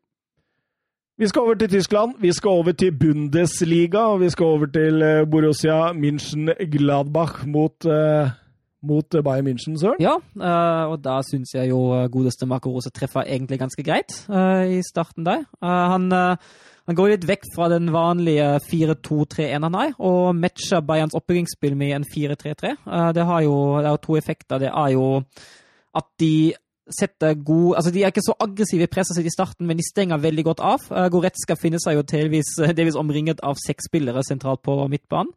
Uh, og så hindrer de også en god del framspill uh, ut mot kant, ut mot de bekkene, der Bayern liker å, liker å bygge opp. Ved at de lar seg falle litt tilbake, de, tre, de, de, to, de to, kantspillerne, og prøver å stenge av der og følge etter. Og det utvikler seg egentlig til at Bayern har veldig mye ball, men skaper ganske lite i begynnelsen. Ja, fram til det godeste Noya. Men, men, men, jo, jeg er helt enig, men jeg syns også det er litt sånn Altså, Ballen skifter jo ikke i retning engang. Nei, Men du ser han strekker seg til ballen. Det er ja. det som ødelegger. Jeg, jeg, jeg, skjønner ikke hva han driver med. Da. Nei, det er helt, uh, helt Altså, Han er nær ytterst på neglen på ja, langfingeren. Jeg er helt enig, den touchen er minimal. Men det at han strekker ja. seg til ball Hvorfor gjør han det? Og beina! Han strekker på det! Han ser ut som en håndballkeeper. det kommer jo helt ut av det blå, jo. Ja, og VAR fanger jo opp dette og gir straffespark. Og Roman, Roman Lewandowski Roman, Roman, Roman Abramovic han setter Robert Lewandowski setter 0-1, Søren. Ja, trygt. Og ja, altså tar det jo bare fem minutter før, uh, før Bayern vinner nok en høy ball uh, i, i gegenpressing. Det gjorde de ikke sånn veldig ofte heller, og da fyrer Goretzka inn 2-0. Ja, Der klarer ikke Gladbach å sette press, Nei. og Goretzka får gå altfor langt. egentlig. En deilig sånn lang vegg med Sané der. Ja. Eh, presisjon i det, og eh, Goretzka han Som var tilbake i toeren, holdt jeg på å si, om det er lov å si. Med, Nei, med, nå blir vi garantert nå, nå, får vi ned! Nå får nå vi ned! Får vi ned. Men han var tilbake. tilbake igjen i toeren, da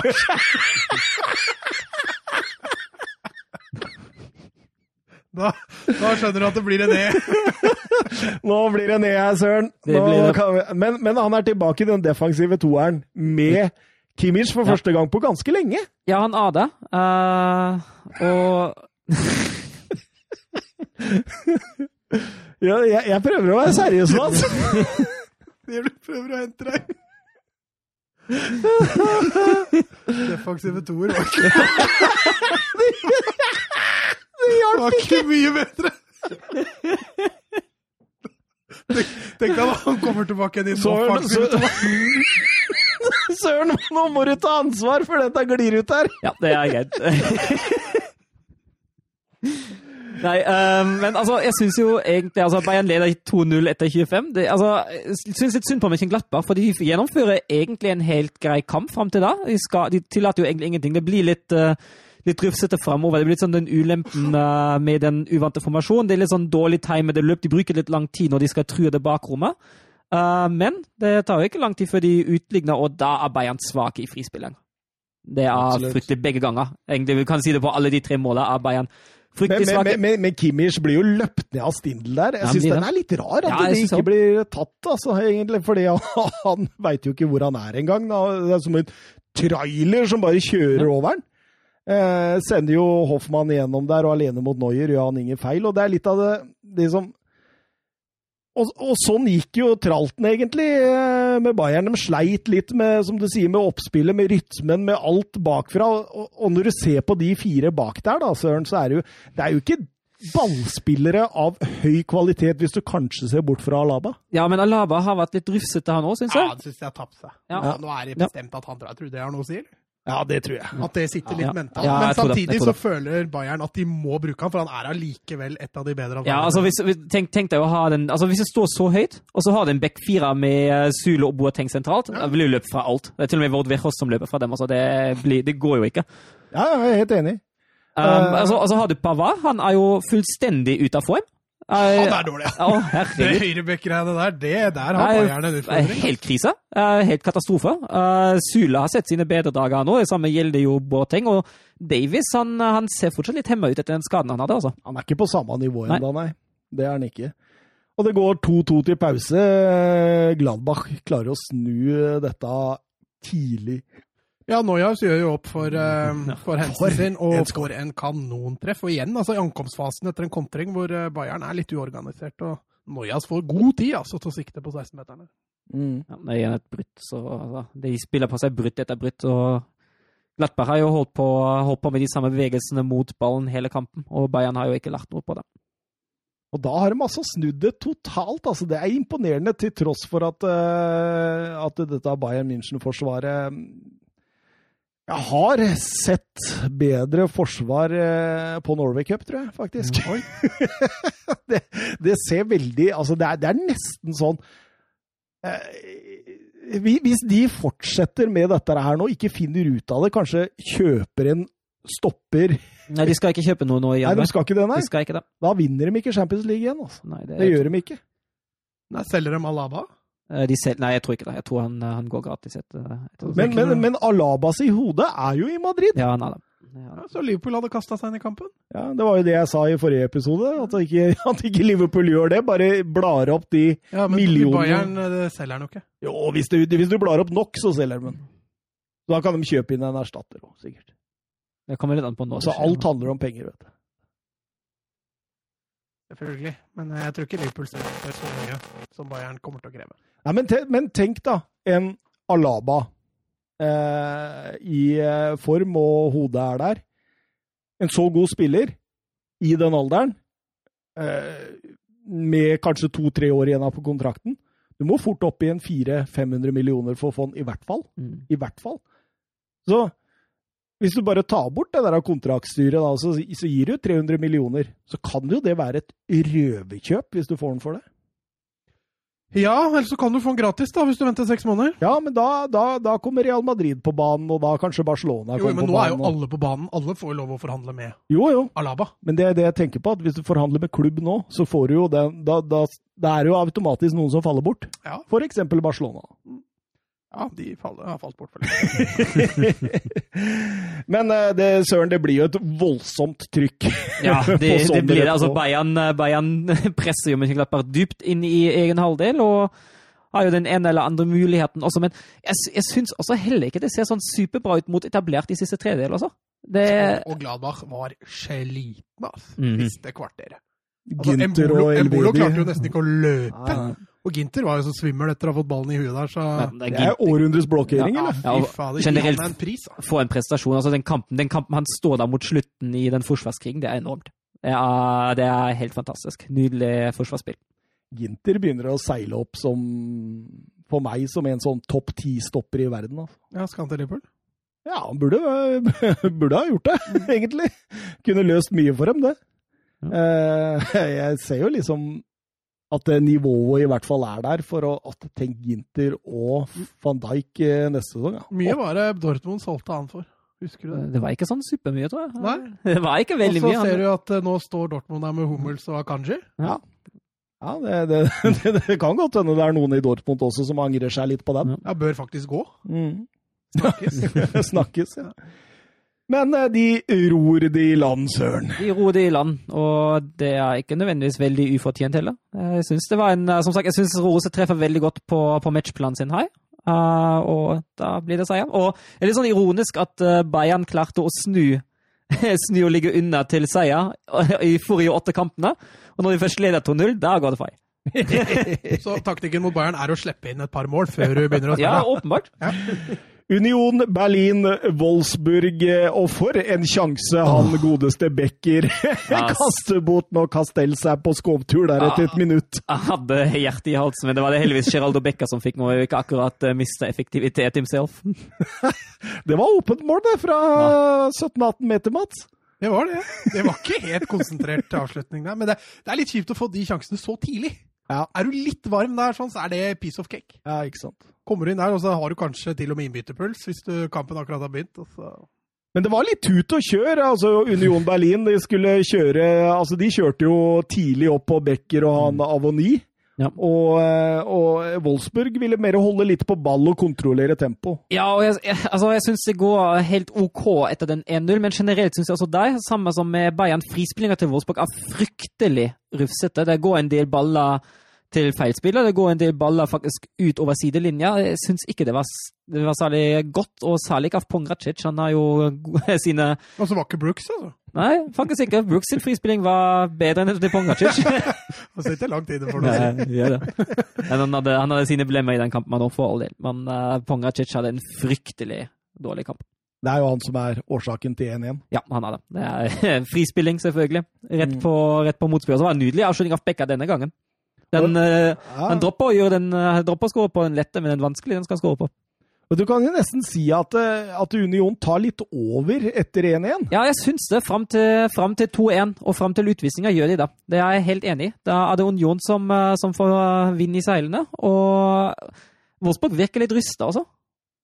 Absolutt. Og du ser han Becker, han legger seg på Brooks hele Ja. tida for å, for å få de løpeduellene mot han. Og, men, men, men Søren, en ting jeg tenkte på når jeg så kampen her, at fra Nå har ikke jeg sett sånn veldig mye Wolfsburg før Glasner, men jeg syns virkelig Glasner har gjort det bra med det, i possession-spillet. Der har de utvikla seg voldsomt. Ja, det er jeg enig i. Det har blitt mye bedre. og Det var jo det som var det store kritikkpunktet mitt mot, uh, mot Glasner i starten av denne sesongen. her, At jeg blir veldig lei at det ikke blir noe utvikling. Uh, til slutt, det kan jo se ut som at det at vi røyk tidlig i europakvalifisering, det var egentlig en blessing in the sky for å få utvikla eget spill, for nå har man plutselig tid. Hørte du det? Nei, det er fast uttrykket her i 90 minutter. Oh, ja. Men det er skies, da. Ja, sky, en ja, ja, greit. Men um, Men i hvert fall at man fikk tid på treningsplassen og utvikle, utvikle det. Fordi jeg syns altså, som sagt, synes jeg det var, det var litt rufsete i frispillinga, men jeg syns bevegelsene er gode. Eh, jeg syns man ser en, eh, ser en god idé, og jeg syns også han er, han er i stand til å tilpasse tilpasse possession-spillet styrker og svakheter til motstandere. Og det, det er en god utvikling. Så blir det 1-1 til pause, laga kommer ut igjen, og så, etter 48 minutter, så tar Maximilian Arnold eh, godeste Hvem er han? Tar ba, det er, Avoni. han tar det ikke bakfra, kanskje? Det er mye toeren her. Ja, og, og får rødt kort. Ja, han gjør det. Uh, uh, han har jo armene på ham. En, det må jo være lov å Lit, liten kontakt. Ja, en liten kontakt, men jeg må jo si, jeg må jo si at Avoni går voldsomt lett i bakken der. Mm. Han gjør jo det. Uh, at, altså, jeg tror ikke hva hadde tatt den hvis dommeren hadde bestemt seg for å spille videre her. Uh, Nei, det men tror ikke jeg helt, faktisk. men uh, hva tar han ikke når dommeren bestemmer seg for å blåse heller, og det er jo greit nok, det er jo på en måte en 50-50. Altså, men altså det, det som jeg syns der, han er i hvert fall konsekvent, han dommeren, fordi når han blåser for den lette kontakten for Arnold utviser utvise han, eh, blåser han også for den lette sperringen Avoniji har på det hjørnesparket på det 3-1 som blir annullert. Eh, kunne ha latt være å blåse der òg, men så lenge han blåser for begge deler, eller ikke blåser for begge deler, syns jeg da er det greit nok, det. Og så så Oi, det var rett på utsida, ja. Det blir frispark, og den klinker jo Andrich rett i mål, faktisk. Nydelig frisparkmål. Første, første baklengs Wolfsburg for denne sesongen fra utenfor egen boks. Ja, absolutt. Um, men eh, ja, hva kan du si? Det... Nei, jeg, jeg, jeg syns eh, Jeg syns med Altså, jeg ble jo Det, det var 2-1, 50 minutter, og Maxi Arnold utviser. Jeg tenker ok, denne kampen her kan vi Ja, egentlig det- bare glemme. og jeg, jeg ser ikke helt på den corneren hva Avony gjør feil mot Kastel selv. Nei, han står i veien for ham. Ja, ikke sant, men det er jo lov. Det er jo lov å stå der. Ja, nei, Så jeg skjønner ikke hvorfor de annullerer den 3-1-skåringen. Nei, jeg, jeg tenker, jo, tenker jo at det skyldes altså det røde kortet som før. Som var før. At den røde, det røde kortet var litt, litt, litt sånn Så da, da du kompenserer, rett og Ja, jeg tror det. Jeg tror det var litt, eh, litt på, den, på den måten, nei. Ja, og da, da kompenserte de jo ekstra mye også, når, eh, Ja, når Ingvardsen får uh, men det, det syns jeg, det jeg er greit. Ja, da, Det er det er en fair straffe. Uh, I hvert fall etter reglene som er nå, men jeg syns det er kult at det blir straffe. Det er jo en annen sak. Men det har jo en beveg... Altså, Brekkolo skyter, og Ingvardsen har en klar bevegelse med, med hånda mot ballen, og det er, det er straffespark. Ja, absolutt. Men jeg synes Weghorst setter han. Ja, sett han. Skåra i alle sine tre kamper mot Union Berlin. Uh, og jeg syns jo generelt at uh, den kampen Wolfsburg gjør med ti mann, den er egentlig veldig godkjent. Det ser mye bedre ut enn den perioden mellom 1-1 og 2-1 med 11. Ja, ja. Jeg. Eh, og jeg syns det, er- syns det egentlig er fortjent om en til slutt tar med seg ett poeng. Men der ser du også at de eh, drar nytte av dette med at de har blitt så mye bedre i possession-spillet. Ja. Fordi de klarer på en måte å, å holde på ball og spille litt av. Ja. Og, Og- at det blir ikke det voldsomme trykket imot. Nei, og Det hjalp veldig å ha Gilavogi i andre omgang istedenfor Pongracic, fordi han spilte en veldig god kamp. Helt enig med deg. Eh, Mats, Ja. eh, du sitter borti der og følger med på Premier League-resultatene, eller? Nei, nå har jeg ikke sjekka, men det var 0-0 for ti minutter siden. Ja, ja. Eh, Jeg tør ikke å gå inn etter at du For jeg tenkte Skal jeg, skal jeg si det? ja da, bare si det. Vet du hvem Sharp er? Ja, Billy Sharp, ja. Ja, Skåra for Sheffield 1-0. Og spiller Oliver Burke, eller? Ja da, han spiller, så Så han bryter rekka akkurat rett etter han har slått rekorden. Vi er på overtid nå. Ja, ja, ja. Oi, oi, oi, oi, oi. Sheffield United tar eh, sin Er det din andre trepoenger i år, er det det? Eller er det sin første? Er det ikke første? Er det første, ja? Er det første? Se. I den, denne sesongen? Oi, oi, oi! Er det den første denne sesongen? Ja, det er. Oppe i fem poeng nå. Det måtte være Steve. Bruce og Newcastle som klappa. Hvis det står seg ut. ja. Vi skal over til hovedkampen vår. RB Leipzig mot eh, Dortmund. Eh, To lag som ble tippet eh, altså, Det var de to lagene Søren, som var tippet til å gi Bayern München størst kamp. Ja, og vi to satt jo her. Vi var jo uenige hvem som kom på andre og tredje. Det var, det var, jeg tror det var den eneste plassen vi var uenige om i hele øvre halvdel der vi hadde tabelltipset vårt. Ja, stemmer det. Ja. Vi var så utrolig enige vi, Ja. i det der tabelltipset. Det var, var da du måtte dra det, var ikke det Ja, stemmer, stemmer. stemmer. Så her kan jeg egentlig ha rett uansett hvordan det ender. Eh, Nagelsmann og RB Leipzig i, i god form. Eh, ikke sluppet inn hjemme i Bundesligaen siden slutten av november. Eh, Dortmund er litt mer varierende den siste tiden, men eh, rapportene fra Tyskland var i hvert fall at eh, de hadde en god treningsuke foran denne matchen, og at eh, Terzic mener at eh, Hver gang Fugla har en god treningsuke, så taper de. Så det behøver ikke ha noen ting å si. Men det hjelper kanskje at eh, Erling Braut Haaland var tilbake også? Ja, det gjorde de. Han var jo tilbake mot Wolfsburg, var litt i grann sånn rusten, men Ja, han var det. Han kunne ha skåra da òg. mm. eh, Fire seire, fire uavgjort og to tap i favør Dortmund i lagenes møter i Bundesliga. Og sist de møttes, ble det 0-2 til Dortmund etter to skåringer av Blaut. Blaut Haaland. La vi merke til noe med lagene, Søren? Ja, eh, Leipzig eh, var jo litt eh, Litt rykt, eller litt, litt gjetting rundt hvordan de egentlig skulle starte. Uh, viser seg jo å i hvert fall starte med en uh, trevekslinje med Adams og Angelinho på, på vingbekkene. Poulsen på topp, Sørloth av benka. Som vanlig. som vanlig. Så var det en, eh, en midtbanerekke med Forsbekk, Haidara, Sabitza og Olmo. Eh, Dortmund er i, eh, i 4-3-1. Eh, 4-2-3-1. 4-3-1, ja.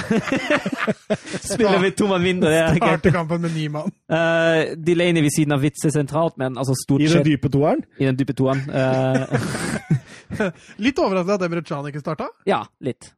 Og det ser vi vel kanskje utover i kampen om at det burde han kanskje gjort. For eh, jeg syns jo førsteomgangen her er et stort gjesp, egentlig. Veldig. Altså, det er veldig langt òg. Dortmund fryktelig svake i frispillinga si. Eh, kanskje det eneste punktet hvor vi kan trekke fram Leipzig litt i den kampen, er at de er brukbare i det høye presset sitt, men, men hver gang de vinner ball, så Slår han bort igjen? Det er flatt. Ja. Det er flatt. Siste tredjedel er jo fraværende hos Leipzig. Ja, det gjelder jo begge lag. Ja. Altså, Ja, ja, Dortmund men- i kontraen er jo, det er jo ingenting. Og, Da, da kommer seg ikke ut av egen halvdel engang. altså, Upamecano dominerer jo Haaland i Ja. første omgang. Eh, han gjør jo akkurat som han vil, uansett Mm. om han er i Nei, jeg skal ikke Men, men, men, men eh, det jeg tenker på, det er at eh, Leipzig er jo veldig venstreorientert i, i angrepsspillet sitt. Mm. Det er åpenbart at de har funnet ut at Monier er et dårlig Ja, men pluss at jeg syns Angelino har vært bra. Ja, ja. Å angripe med han har ikke vært en dårlig strategi, altså. Og vi får jo egentlig ikke den første sjansen før etter 25 minutter. Eh, Tyler Adams der som gjør et feilvalg, kommer faktisk rundt. Og, og istedenfor å så, eh, slå den 45 ut, så slår han rett inn på Akanji, som får eh, Ja, der har han jo bedre tid òg. en liten innleggsfinte der for å se om Forsvaret gjør et utslag, har han fint tid til. Men eh, så må Dortmund gjøre et bytte som skulle vise seg å være ganske bra for Witzel. Han, eh, Blessing in disguise, eller? Ja, veldig. veldig. Altså, veldig synd for Witzel. Han røyker jo akillesen nå. Han er ute hele sesongen, og trolig også hele EM. Og det er jo det er fryktelig synd. Og så fylte han 32 i dag, så han er vel ikke den yngste heller lenger. Å restituere saktere, er det det du mener? Ja, uh, så det er, det er jo det er fryktelig synd uh, for både Dortmund og Witzel. Men akkurat i denne kampen uh, tror jeg Dortmund tjente på at de måtte bytte ut Witzel og få en sjanse. Altså, Altså, Det var ikke fordi Witzel nødvendigvis var helt ræva, han var ikke sånn han Nei, nei, ut, men det Emre Can kommer inn og gjør, Ja. det er noe helt annet. ja, absolutt. absolutt. Men det, jeg satt og tenkte på det i denne kampen, her, for den var så rotete, og det var så mye feilpasninger. Og, og Haaland han fikk jo ikke hjelp. Han, det, du, kan si, du kan si det at Upamecano hadde Haaland i høyre bukselomme, liksom. Men, Ja, ja, men, men Men det er jo ikke så rart. Nei, men det som er fint med å ha Bisgaard Sunde som kommentator, er at du veit nøyaktig hvor mange touch Haaland har hatt på ballen. Så når de gikk til pause, så visste vi at Haaland hadde vært nær ballen fem ganger. Og det, det er understatement, det du ja. Ja. Men, men, men, men samtidig så er det sånn eh, Royce, eh, Sancho og hva er sistemann oppi der? Reina. Reina. Altså, de må bli med på å strekke den tre. Mm. De, de, altså, de eh, og står nesten alle tre hele tida rett bak eh, Haaland. Og, og, det, og de, den treeren til eh, Leipzig De kan bare fange den. Ja, de står. De står. Så du må jo ut og strekke den. Du må komme inn bak. Utfordre wingbackene litt også, for de fikk jo ikke noe defensivt ansvar i det hele tatt. Og eh, det, det, det, det, det Altså, det burde slått så mye feilpasninger inn til den pausa at jeg, jeg tenkte til slutt at det, For det, det var en kamp jeg virkelig gleda meg til. Ja. Jeg virkelig gleda meg. Jeg satt der og tenkte Nå har vi valgt feil hovedkamp. Igjen! Ja, vi har ikke vært så gærne på å velge hovedkamp, da. Nei, men det var en periode der. Ja. Det var voldsomt. Det var bare 0-0 og 1-0, og du gikk gjennom hovedkampen på ti minutter. og... Ja. Og det, det var jo litt sånn man trodde dette skulle skje også, og så kommer vi til, ut i annen omgang, og så ser man at Dortmund flytter opp presset, mer energi i spillet. Breiere. De, breiere, de utfordrer wingbackene, de strekker på forsvaret og skaper virkelig store problemer Ja, for altså, eh, En annen ting som er absolutt verdt å nevne, er Haaland og de bevegelsene han begynner med i andre omgang. For plutselig så, så Han må jo ha fått klar beskjed om at altså, hold deg borte fra Upamecano, for han har deg langt ned i bukserommet. Så ta heller og utfordre andre stoppera. Og det gjør han i langt større grad. Han blir mye mer mobil, eh, og er, trekker ofte ut mot det blir, det- blir høyre, blir ikke det? Jo. mm, Eh, og utfordrer heller Halstenberg. Halstenberg. Ja. Og det, det, det gikk jo ganske greit. Det gikk bra. Eh, de får en dobbeltsjanse tre minutter ut i annen omgang der, eh, Søren. Først så er det vel Royce som tester eh, Gulashi, og så er Emre Shan eh, ekstremt nære på påførende corner. ja. Og da tenkte du høy, nå har det skjedd mer på disse tre minuttene det har gjort i hele første omgang. Nå, nå, nå kjører vi, og, og eh, Dortmund eh, trykker, og jeg syns da, da vokser Dortmund i mine øyne, altså. Ja, den måten de greier å omstille seg i pausen på, det er faktisk en ganske stor jobb de har gjort der. Også. Eh, Det er mulig Terzic har brukt førsteomgangen på å, å plotte ut noen svakheter i dette Leipzig-laget, men eh, at han skulle finne såpass bra der, det, det var, eh, det var Ja, fant jo, han fant jo litt svakheter som eh, passer hans spillestil veldig bra, da. Men Eh, han, han gjør ikke noe drastisk, han gjør bare Nei. noen justeringer. Ja, han det er justerer, det som men- er imponerende. ja, men det, det holder fint. Altså, det blir jo, det blir jo vel, altså, jeg tror ikke vi hadde sett en sånn, sånn andre omgang under Favre nødvendigvis, Nei. eh, som, uh, som vi ser nå under Terzic. Det er jo veldig den, den typen vi presser høyt, vi slår direkte, vi bruker litt fart og kommer oss bak linje. Vi bruker få touch. Mm. Uh, og det ser vi jo det ser vi jo i hele, kampen, eller hele andre omgang, og det ser vi også på målene som kommer. Ja, det er det ingen tvil om. Det målet, jeg vet ikke om du skal ta målet der. Snowboarderen kan litt, altså. ja, fordi Jaden Sancho han setter 1-0 ni minutter ut i annen omgang der, og det er, det, er, det, er, jo et innkast midt på banen, og det er jo Haaland som leker fysisk med Halstenberg. Ja, og der får de, får de rett og slett belønna for at det ikke er Opamecano han møter. Absolutt. Eh, stormer nedover feltet der, og spilleren 45 ut i Royce, som har en hælflikk som Den er så deilig. Den er så deilig, den søren. Ja, den er helt nydelig. det er Helt fantastisk. Og rett presist på Sancho. Det er høy, høy klasse. Når spillere mener sånt og får det til Ha-ha!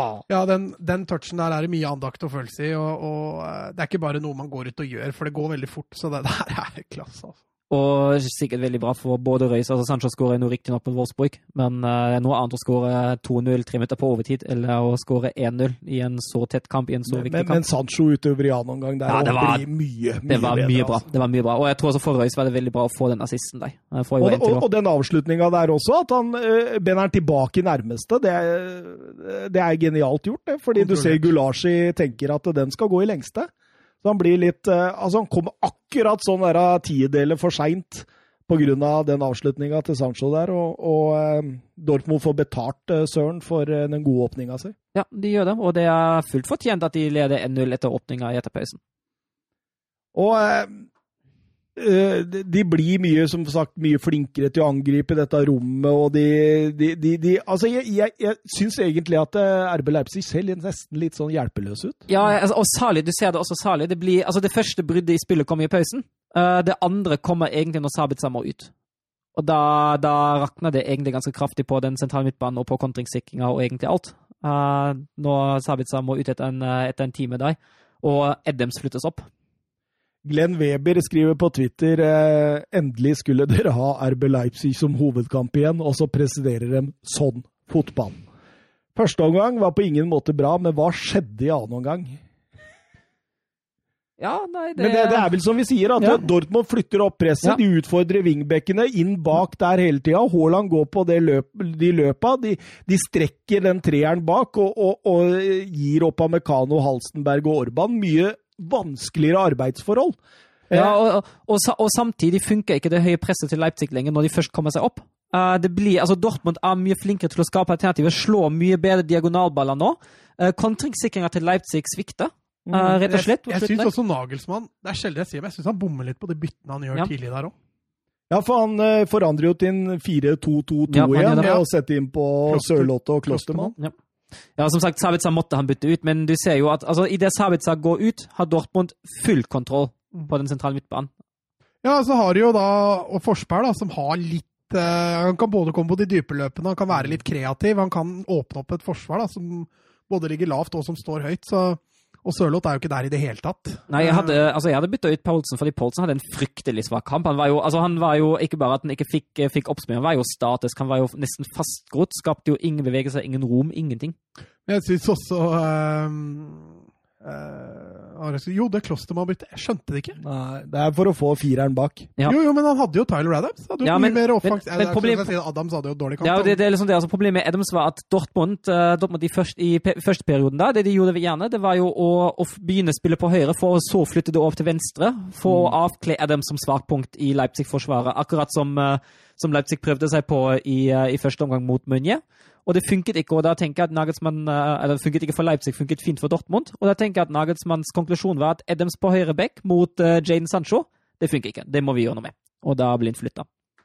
64 minutter. eh, Erling Braut Haaland klemmer den i tverra der. Eh, Ja, det var akkurat eh, nesten kopi av det han gjorde mot Wolfsburg. Eh, Så han nærmer seg jo, men eh, fortsatt litt unna. Og to minutter etterpå så har Olmo et rykk og et skudd, stolpeskudd der som eh, Men- Der, der viser Olmo kvalitet. Ja, det er det, men det, du ser jo, det er jo ikke noe bra spill sånn sett. Det er jo en god individuell prestasjon. Men Ja, det, er ikke, jo det er det. ikke noe lagspill der. Nei, det er Olmo-prestasjon. Ja, ja. Det er ikke noe i forhold til laget. Eh, Da, da bytter eh, Dortmund Sagadou inn for Delaney. Eh, Åpenbart at Terzic vil ha tre bak, eller fem bak, som det egentlig blir, for å begynne å kontrollere litt og bare kjøre overganger. Og eh, Nagelsmann svarer med å sette inn Wang og ta ut Haidara. Eh, tror kanskje det var et dårlig valg av Nagelsmann. Ja, det tror Ja, det syns jeg også. Nå har du bytta ut begge de sentrale gutta, eh, i tillegg til Forsberg. Du åpner jo opp overganger. Mhm. Ja, du gjør det. Eh, Så nok en gang så syns jeg Nagelsmann gjør et dårlig, dårlig valg der. Og da tar ikke lang tid før Erling Braut Haaland han, han leker jo! Ja, han gjør det, men, altså, men få et angrep det er. Det er, det er nydelig. Det er one-touch-fotball uh, over hele linja. Altså, Ja, men Det Haaland gjør før han spiller til Sancho der, det er ikke one touch. Der drar han jo av med et Ja, ja, par tofotsvinter og men kommer den- seg ut fra fire Leipzig-spillere der. men den kombinasjonen uh, i og rundt boksen der, den er, oh, den er herlig. Der feilberegner Halstenberg noe så grusomt! Han gjør det. han gjør det. Altså, Haaland er ikke kjent for hodespillet sitt, altså, men der, Halstenberg, der er du ute og sykler. altså. Men uh, da viser han at han kan score på huet òg, da. Ja, Det har han jo vist før òg, men han Han har fått sånn... litt sånn kritikk for det. At Ja, ja. det er der du mangler litt. Og, og, og sånn På førsteinntrykket så ser det ut som han dominerer Halstenberg Ja, i lufta der. Og så ser du slow motion, og så Fader, det er Halstenberg driver med? Da kunne du bare stått i veien. Og da har jo Dortmund eh, god kontroll. RB Leipzig har mye ball, selvfølgelig. Og eh, Dortmund bare venter overganger, egentlig. Ja, og det funker jo egentlig ganske godt. Det er jo et, eh, nå er det et fint kjent mønster at Dortmund, akkurat som før skåringa, kommer, kommer seg ut på kant, og så legger de 45 tilbake, og så brenner det. Svake i returløpet der, RB Leipzig, når Haaland setter 0-3. Ja, og så er de Altså, de går jo for 2-1, det, det ser jo alle, men eh, at de da ikke gidder å løpe hjem, det, det er fryktelig rutinert. Timer løpet perfekt der. runde Gulasje og det, det så ut som han skulle bli bytta ut. Det så ut som han ba om å bli byttet ut òg, etter eh, 3-0-målet. Han fikk ikke, han måtte bli, han.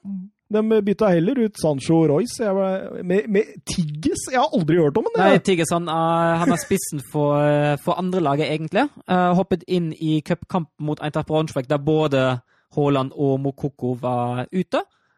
Og så har han jo gjort det helt OK. Han spilte jo litt mot, uh, mot Wolfsburg òg, og så Mokoko var tilbake igjen på benken. Ja, men uh, han tatt han fortsatt ikke helt på 100 uh, og så Det er lurt ja. å matche han Mokoko ja, rolig, altså. Litt, mm. ja. Nå har han fått målet sitt, han har fått ja. kampene sine, og det er ikke noe hastverk der nå. Men uh, nisselua, den skulle fortsatt ikke av, fordi Sørloth han uh, skåret sitt første Bundesligamål på slutten. Ja, i andre forsøk. Fint innlegg av Angelini, og så redda Burken første. Ja, det er bra redning av Burke. Det er bra det, redning, for all del. Jeg minnet litt om den, om den mot Kobel uh, forrige helg, men uh, mm. så spredte returen rett til Sørloth, og da er det ikke vanskelig. Kanskje det mest positive for Ebbe Leipzig om de få ham litt i gang, men uh... Ja, han er jo rykta fryktelig mye hit og dit nå. Ja. Så var vel Nagelsmann ute etter kampen og sa at uh, nå kommer det til å løsne. Så er det veldig spennende å se om han blir Jeg tror han blir, altså. Ja. Jeg tror ikke han blir leid ut. Nei, Nei jeg, tror ikke, jeg tror ikke det. Altså, hvis, man, hvis, man, husker hvor lang tid det tok før de fikk Olmo ordentlig i gang òg altså... Ja, Saboslai er vel skada, riktignok, men mm. han, eh, han, også kan vi ikke forvente all verden av med en gang. Men uh... Nei, neste, ja, år, år, neste år så kommer Saboslai. Mm. Men Saboslai er litt Altså, han kommer i hvert fall fra, fra, fra et annet RB-lag. Uh, kommer jo fra Samme kultur! Som, ja, samme kultur. Litt sånn samme system, selv om uh, Nagelsmann spiller jo selvfølgelig en annen fotball enn March, men han er jo litt kjent med, med grunntanken, i hvert fall. Mm. Og når de setter over til Viasat Studio da, så roper han ut 'Norge er best!' det blir ikke mer nisselue enn det, søren. Det, det, hadde jeg skutt av. ja, det, det, var faktisk det første studio sa. 'Norge er best!' Altså, hvis, hvis, det er det, den konklusjonen du trekker ut av Bundesliga-kampen mellom Leipzig og Dortmund, da begynner å bli useriøst. Eh, resultattipset Thomas, eh, altså meg, eneste med poeng denne gangen, det men, tilhører sjeldenheten. Men du hadde egentlig ikke rett. Og du ville egentlig tippe Leipzig. Hysj, hysj! du ville egentlig tippe Leipzig, du. Jeg gjorde det, men jeg tippa Dortmund fordi jeg ville sitte hele kampen og, og heie på Erling Braut Haaland. Oh, ja, så du tok på deg nisselua? Jeg tok på meg skikkelig nisselue. Ja, men jeg, jeg har blitt litt Haaland-fan, altså. Ja, det tror jeg vi er litt, altså. Til og med Søren er innerst inne. Så er Nei, han hater jo Haaland. Ja, han hater ingen. Innerst inne. Hvis du går bak alt det hatet eh, Søren har på kroppen, så finner du et lite kjærlighet. Lite kjærlighet eh, inni der.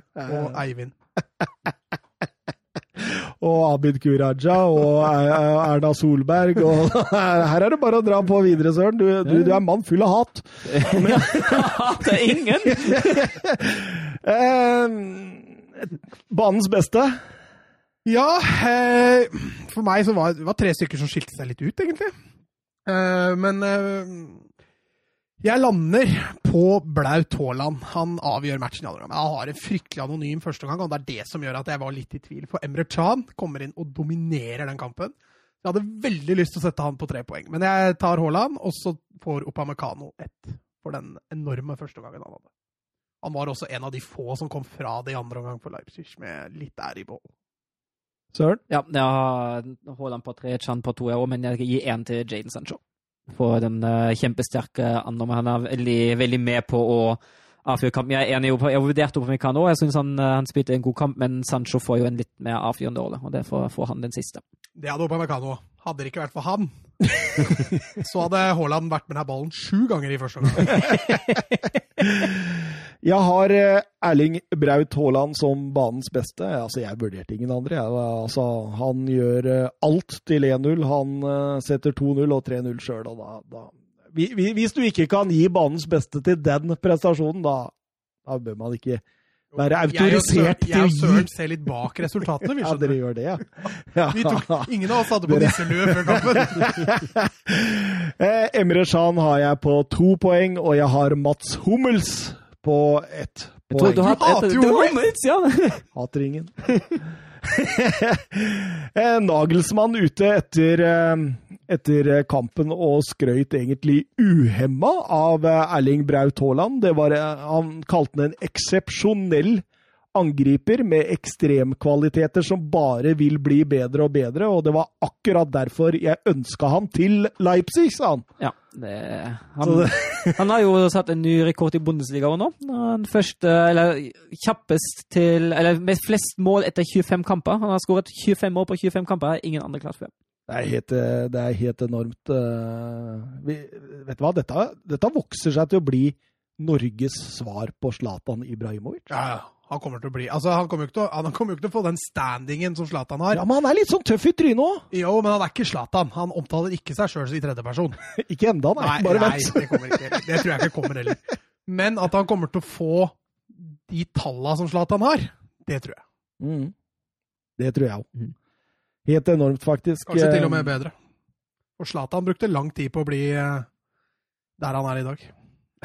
Jo, Jonathan Hobber, herlig å se annenomgangen til Dortmund snur helt på flisa fra pause av. Kan dette ha vært et vendepunkt igjen etter noen spillemessig svakere kamper? Kan det. Uh, litt sånn det samme Haaland er tilbake!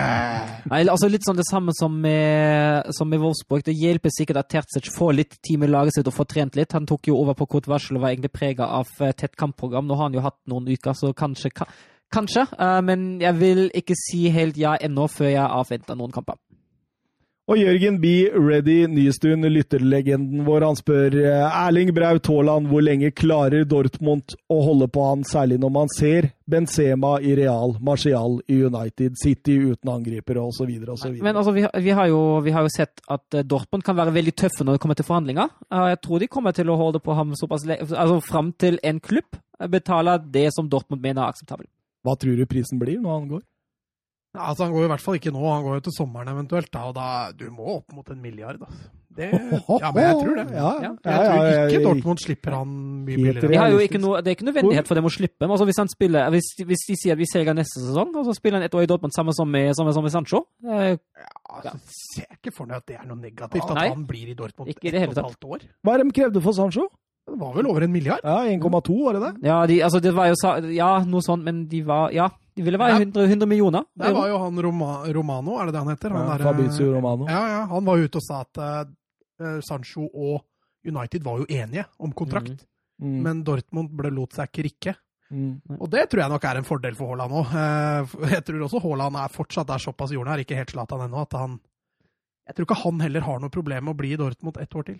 Nei, det var jo Nei, han er 20 år. ja, Det er jo det er to spillere som har prøvd å streike altså, som, Lewandowski ble jo i Dortmund uh, ut kontrakten, og så var jo både Dembele og Aubameyang streiket seg jo bort, og det var de da Dortmund etter hvert uh, ga slipp. Men uh, så lenge du ikke streiker deg bort, er det vanskelig å komme seg Men, men hvor mye gikk eh, Dembele for til ja, 120 millioner euro eller noe sånt. Ja, Det var helt sinnssykt. Nei, det var Coutinho. Han var vel rett over 100, tror jeg. Ja, det, ja, men noe sånt. Men det var noen klausuler der, så det er mulig den har vokst. ja, jeg, tror det, jeg tror det blir til sammen 120. Ja, Men det er jo liksom det segmentet Dembélé, Sancho vi må på en måte vurdere Haaland opp mot, da. Og da, da er det jo milliarden pluss, ja. Men at City der er et godt alternativ ja. etter hvert, det kan godt være. For Aguero er jo antakeligvis ferdig til sommeren. Ja. Og hvem dem kjøper inn da, avhenger av om Haaland går dit om et år eller tre. Og så bare det at uh, han har bodd i Manchester før. Han, Faren hans har spilt for Manchester City, sånne ting. Han, han har jo sagt at han har en liten drøm om å spille for Leeds en gang. Eh, ikke det at det skjer ved det første, Å, sikkert. tenk deg han og Bjelsa! Få han derre Bamford vekk fra den. Det hadde vært nice. Han spiller jo turbofotball, det kunne passa han. Eh, Milan-Torino, vi er over i Serie A. Zlatan tilbake, starta på benk. Jens Petter Hauge fornyet eh, tillit til tross for en eh, relativt svak kamp egentlig mot Juventus i midtuka. Ja, han var i hvert fall, i beste fall, kanskje anonym, da. Ja, bestefall anonym. Eh, Litt smårotete åpning før Milan tar over kampen, egentlig. Ja, de, altså, de presser jo Torino langt bak i egen halvdel, og Torino kommer seg nesten ikke ut engang. Og etter ca. ti minutter, som du sier, er Milan det klart beste laget, men sliter litt med å skape mot, uh, mot etablert. Altså, Altså, målet er klasse, da. Ja, Det er, eh, der er det gode bevegelser, og det går på å få touch. og Riktignok litt heldig med den tunnelpasningen gjennom til Leao der, men, men bortsett fra det, så er det, det er pur klasse, det målet der. Og så er Leao litt heldig, for han skyter jo via forsvarsspilleren, og det setter jo keeperen ut av spillet. Så får de straffespark eh, ikke så lenge etterpå. Eh, VAR er inne og sier at eh, Belotti takla Brahim Diaz, og det er en av de vanskeligste avgjørelsene jeg noen gang på en måte sjøl har tatt i, i TV-stolen der, altså. Fordi traff han ball først? Eller traff han spiller først? Fordi du får ikke den riktige, helt riktige vinkelen med kameraet der, og det gjør Jeg satt og stoppa det, men jeg, det var fikk- helt umulig å si, altså. Nei, da har han vel, konf, da har han vel konfrorert med kontrofler... Ja, kon ja, konf konfirmert. ja, kom- han har konfirmert seg med VAR.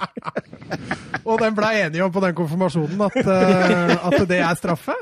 Så da, da ble det jo det, da. Og Frank Kessie han uh, har blitt en sikker straffertar. Ja, han er rolig som skjæra på tunet, han, i Zlatan sitt uh, fravær der. Eh, og vi- hvis man tar med Ricardo Rodriguez sitt eh, frispark i tverrleggeren rett før pause. Gammelt ja. Stemmer. Ja, altså. ja, ja. Så var det stort sett det eneste Torino hadde. De lå i sånn 5-3-2 og Ja, jeg, jeg, altså, jeg, jeg, jeg tenkte litt sånn uh, underveis i kampen da, at dette har minner om uh, WBA borte mot Liverpool. Uh, delvis, altså. Det var, det var fryktelig, eh, fryktelig lite offensivt. Stå fryktelig lavt og skapte jo nesten ikke overganger heller. Torino eh, kommer ut med litt mer trøkk. Eh, Gianpaolo, som eh, sikkert hadde en høne å plukke med sin gamle arbeidsgiver, han satte inn på Linetti, og, og de jagde litt mer og får en straffe etter 49 minutter, som VAR går inn og sier eh, nei. Eh, Tonali der som blir sparka knallhardt eh, bakpå, bakpå akillesen av Verdi der.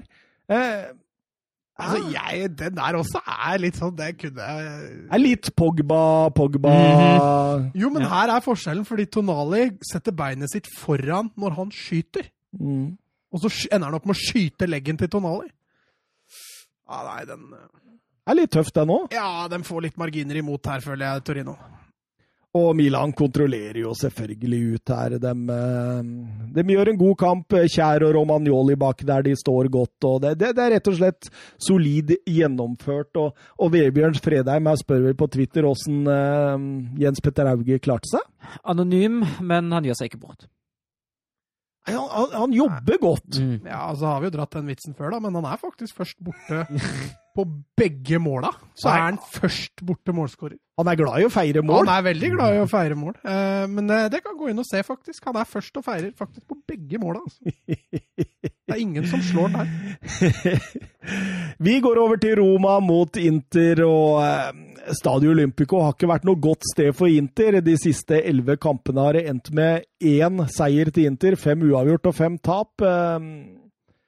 Roma i god form, kun tap mot Atalanta, og eh, var bare faktisk eh, tre poeng bak Inter eh, på andreplass der når kampen sparkes i gang. og ja, det blei en morsom kamp! Det ble det. Jeg syns jo den, den bølga litt sånn fram og tilbake. Det var en sånn fase der det ene laget hadde overtaket, og så var det en fase der det andre laget hadde overtaket. En god del målsjanser. og morsomt. Jeg syns Roma starter den kampen best, selv om eh, Inter er nærmest i starten. Men det er fullt fortjent at Roma går opp med 1-0. De, eh, de eier den sentrale midtbanen egentlig ganske fullstendig i første perioden her.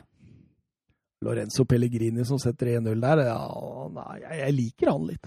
Ja, det er, så- han er fin, han. Ja. Men eh, det er litt sånn at- at den gikk inn. For keeperen reagerer jo ikke, og da tenker man at den går utafor. Ja. For da går jo så sakte.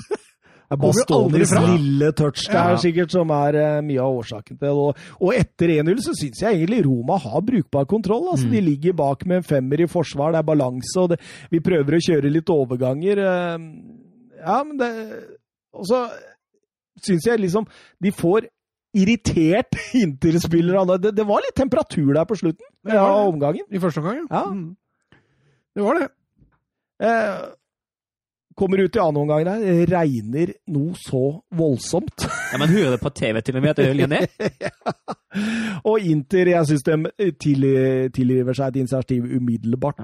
Eh, enorme sjanser der, både Martinez og, og eh, Paul Lopez har jo en verdensklasseredning der. Ja, den er, den er stor. Men eh, jeg er helt enig at Inter, Inter er det beste laget. De kommer seg inn på kant, de kommer seg inn i, eh, i rommet foran forsvaret. eh, og det blir en eh, god del, god del, god del sjanser i løftet. Altså fordi Roma har faktisk ikke kontroll på egen boks i den perioden her nå. De har ikke det. Og det tar, det, altså på sju minutter så snur Inter fra 1-0 til 1-2. Først Milan Skriniar på en corner, og så er det Ja, det, hvordan går det an, det der? Milan Skriniar får lov å gå opp aleine. Det, altså, han må jo være en av de første de plukker seg ut på defensiv dødball på før kamp. Ja, absolutt. Absolutt. Og Hakimi.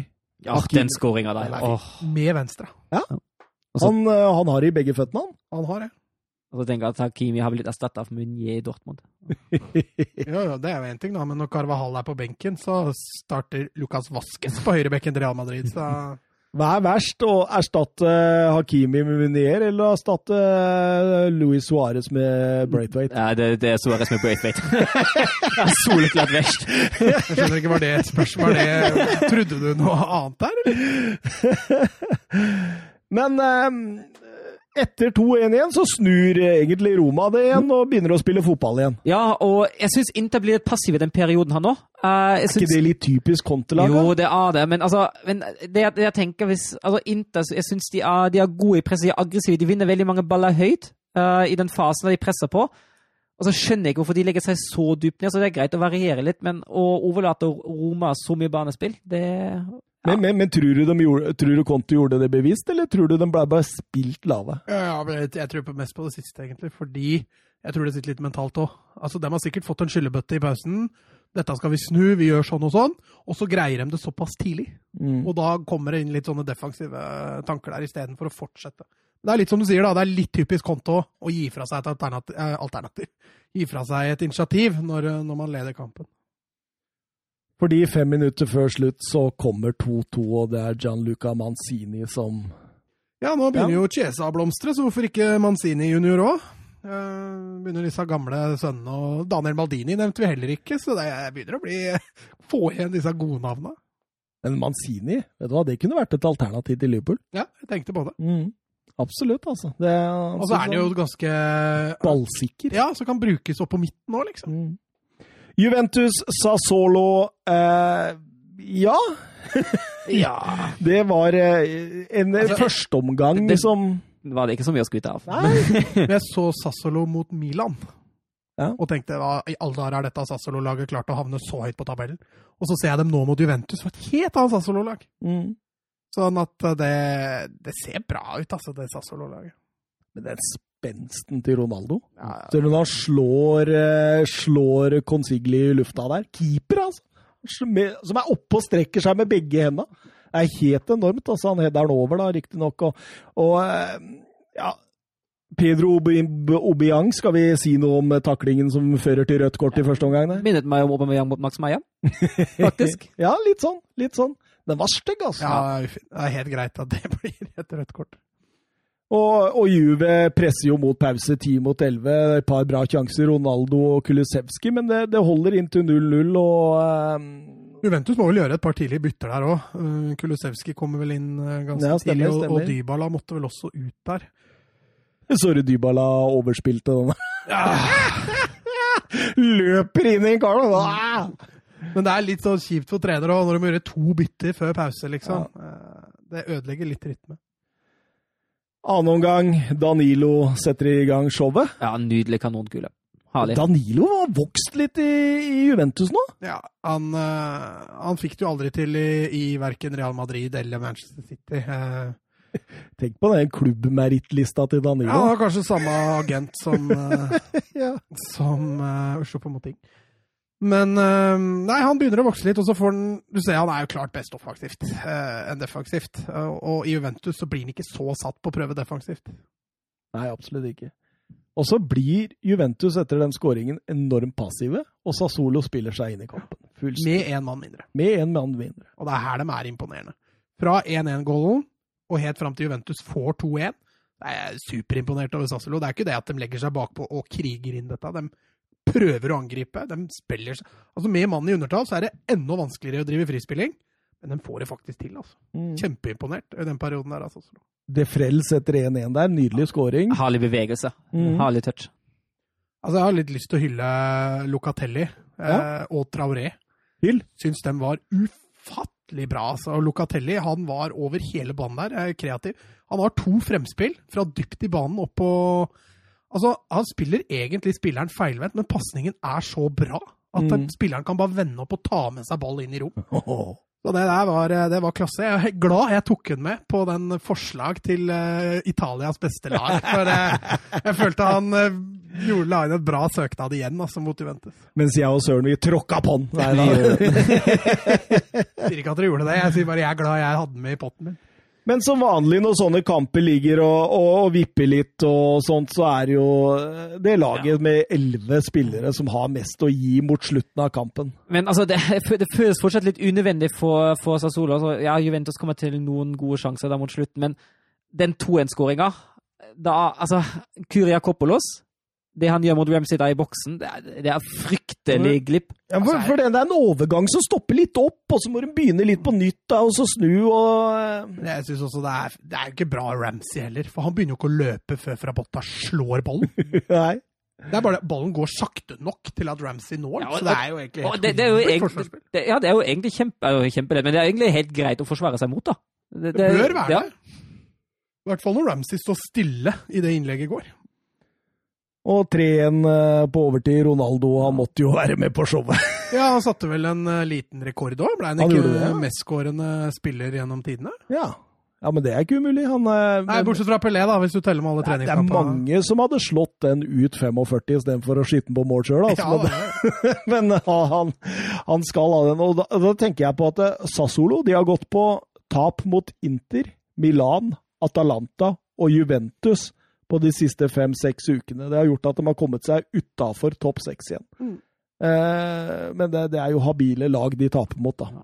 Men de sliter vel kanskje med det lille ekstra, da, fordi eh, mot alle andre lag har de jo vært egentlig ganske bra. Det er jo ganske morsomt lag å se på. Jeg skjønner ikke hvorfor de ikke bruker han Boga litt mer. Ja, han også som har kommet inn nå, var spennende, han òg, Ja. i, i kontringsspillet. Så, så det, det er fortsatt en artig spiller. Men eh, de ligger jo da fortsatt akkurat innafor Europa. Ja. Hvis et av de lagene foran dem vinner Copa Italia. Har vi fortsatt tro på Inter, gutta? Kan ikke vingle nå. Det er jo bare, er jo bare tre poeng opp til eh, Milan, og, og selv om Juventus vinner hengekampen sin, så er de fortsatt bak Inter, så jeg, eh, jeg er enig med Søren. Vi kan ikke vingle nå, selv om de ikke har sett veldig Det har ikke sett ut som en seriemester så langt i år. i hvert fall. Nei, nei, nei. Eh, vi har noen lag vi skal sette opp, vi. Ja. Vi har faktisk tre lag. Vi har det laget, det beste Premier League-laget, som skal konkurrere mot en av de tre andre eh, ligaene vi følger. Eh, vi må jo finne en eh, motstander til Serie A-laget, og da vel kanskje La Liga neste runde, da, siden eh, det ikke er La Liga-spill. Eh, og så har vi Norges landslag om fem år, som vi lovte Anders Hansen. Det tar vi i dag. Mm. Og så tar vi eh, Det kan vi kanskje begynne med. Jørn Henland, for den var litt vanskelig. han, han spør først, da. Eh, hva er det beste og mest utfordrende ved å drive en podkast? Jeg vil si det beste av Det er to ting. Det er selve sendinga. Jeg digger å sitte her og snakke fotball og ha det morsomt og gøy og sosialt og hele pakka. Jeg syns det er helt konge. Eh, og det å faktisk gå litt sånn analytisk vitenskapelig til verks med en fotballkamp. Jeg syns det er kjempefint å analysere kamper på den måten og se dem med, med litt andre briller. Uh, og det, det, er, det er rett og slett kjempegøy. Mm, mm. Er du enig med den, eller? Nei, han skal være enig i det. Um, Det, det, men jeg, jeg syns det er hele greia, da. Fra vi kommer hit til vi begynner å forberede oss, hvor vi småprater litt, og så kommer sendinga, og så eh, slår vi av. Men fotballpraten er jo ikke ferdig da, for vi må vente, og vi redigerer jo ikke, men vi, vi på en måte legger ut og sånt. Det tar litt tid. Og da sitter vi og, og prater eh, igjen. eh, det er deilig en gang i uka. og bare Den setter vi av til fotball. Den satte vi av til å prate med to eh, karer som har peil. men det også er jo Altså, før så var det en del kamper du så bort ifra. Som du ikke gadd å se. Nå har du en unnskyldning til å se dem. Eh, selv om noen få, noen ytterst få helger så skulle du ønske at du slapp. Ja. Du har andre ting å drive med. Mm. Men veldig ofte så er det sånn ja, Nei, men det blir artig å se den. Jeg må jo se den kampen, så jeg får sett den. Men det blir jo også da det mest utfordrende, kanskje. da, At mm. i de helgene hvor det er mye å gjøre, som f.eks. jeg har vært i Kristiansand på konfirmasjon og har vært av gårde med fotballag og sånt, så har du en voldsom jobb å gjøre fra den søndag ettermiddag kveld. Det er jo en grunn til at vi ikke tar det på mandag, sånn at vi har én dag å hente oss inn på. Jeg husker en gang vi tok det på mandag, var jo helt krise. Ja, det er jo det med en gang. men, men det er kanskje det mest utfordrende for meg, samtidig som det at jeg må sitte med notatblokk fordi jeg klarer ikke Og der imponerer du, altså, Mats, at du sitter faktisk og plukker situasjoner fra hodet ditt. Ja, det er, Og det, det, det, jeg skjønner ikke hvordan det er mulig. Jeg ville ha blanda noe så voldsomt. Ja, nei, det er eh, Altså, det er jo Det har jo blitt enkelt. Jeg sleit jo litt i starten, jeg ja, òg, men det har blitt mye enklere. eh, For du biter deg jo bare Men du kan ikke ha mye annet i det hodet ditt. Nei, men det er det ikke. Det er utrolig mye fotball oppi det huet der. Enten Nå- det er for laget jeg trener, eller det vi driver med her. Nå finner vi ut vet du, Søren, hvorfor han er et mattegeni. Den skuffen med matte, den ligger veldig langt bak. Du, gamle dama som finner fram den, der går det ikke fort, ass! Hun er ikke related til min dame engang. Alle skapa mine som er først i hjernen, inneholder bare fotball. Eh, Det er deilig. Men eh, denne Jørn Henland han spør også kan dere sette opp en Premier League-elver med spillere fra drakt nummer 12 til 22. Formasjon 4-4-2, og spillere er nødt til å spille i sine vante posisjoner. og her sleit jeg litt, altså! Den, den var mer utfordrende. Den, eh, den forrige kjempemorsom oppgave igjen. Uh, men den var, jeg syns det var litt mer utfordrende. Fordi du har, du har gjerne veldig mange gode spillere å plukke av fra numrene 1 til 11. Ja, det Men var, det er ikke nødvendigvis det samme på 12 til 22.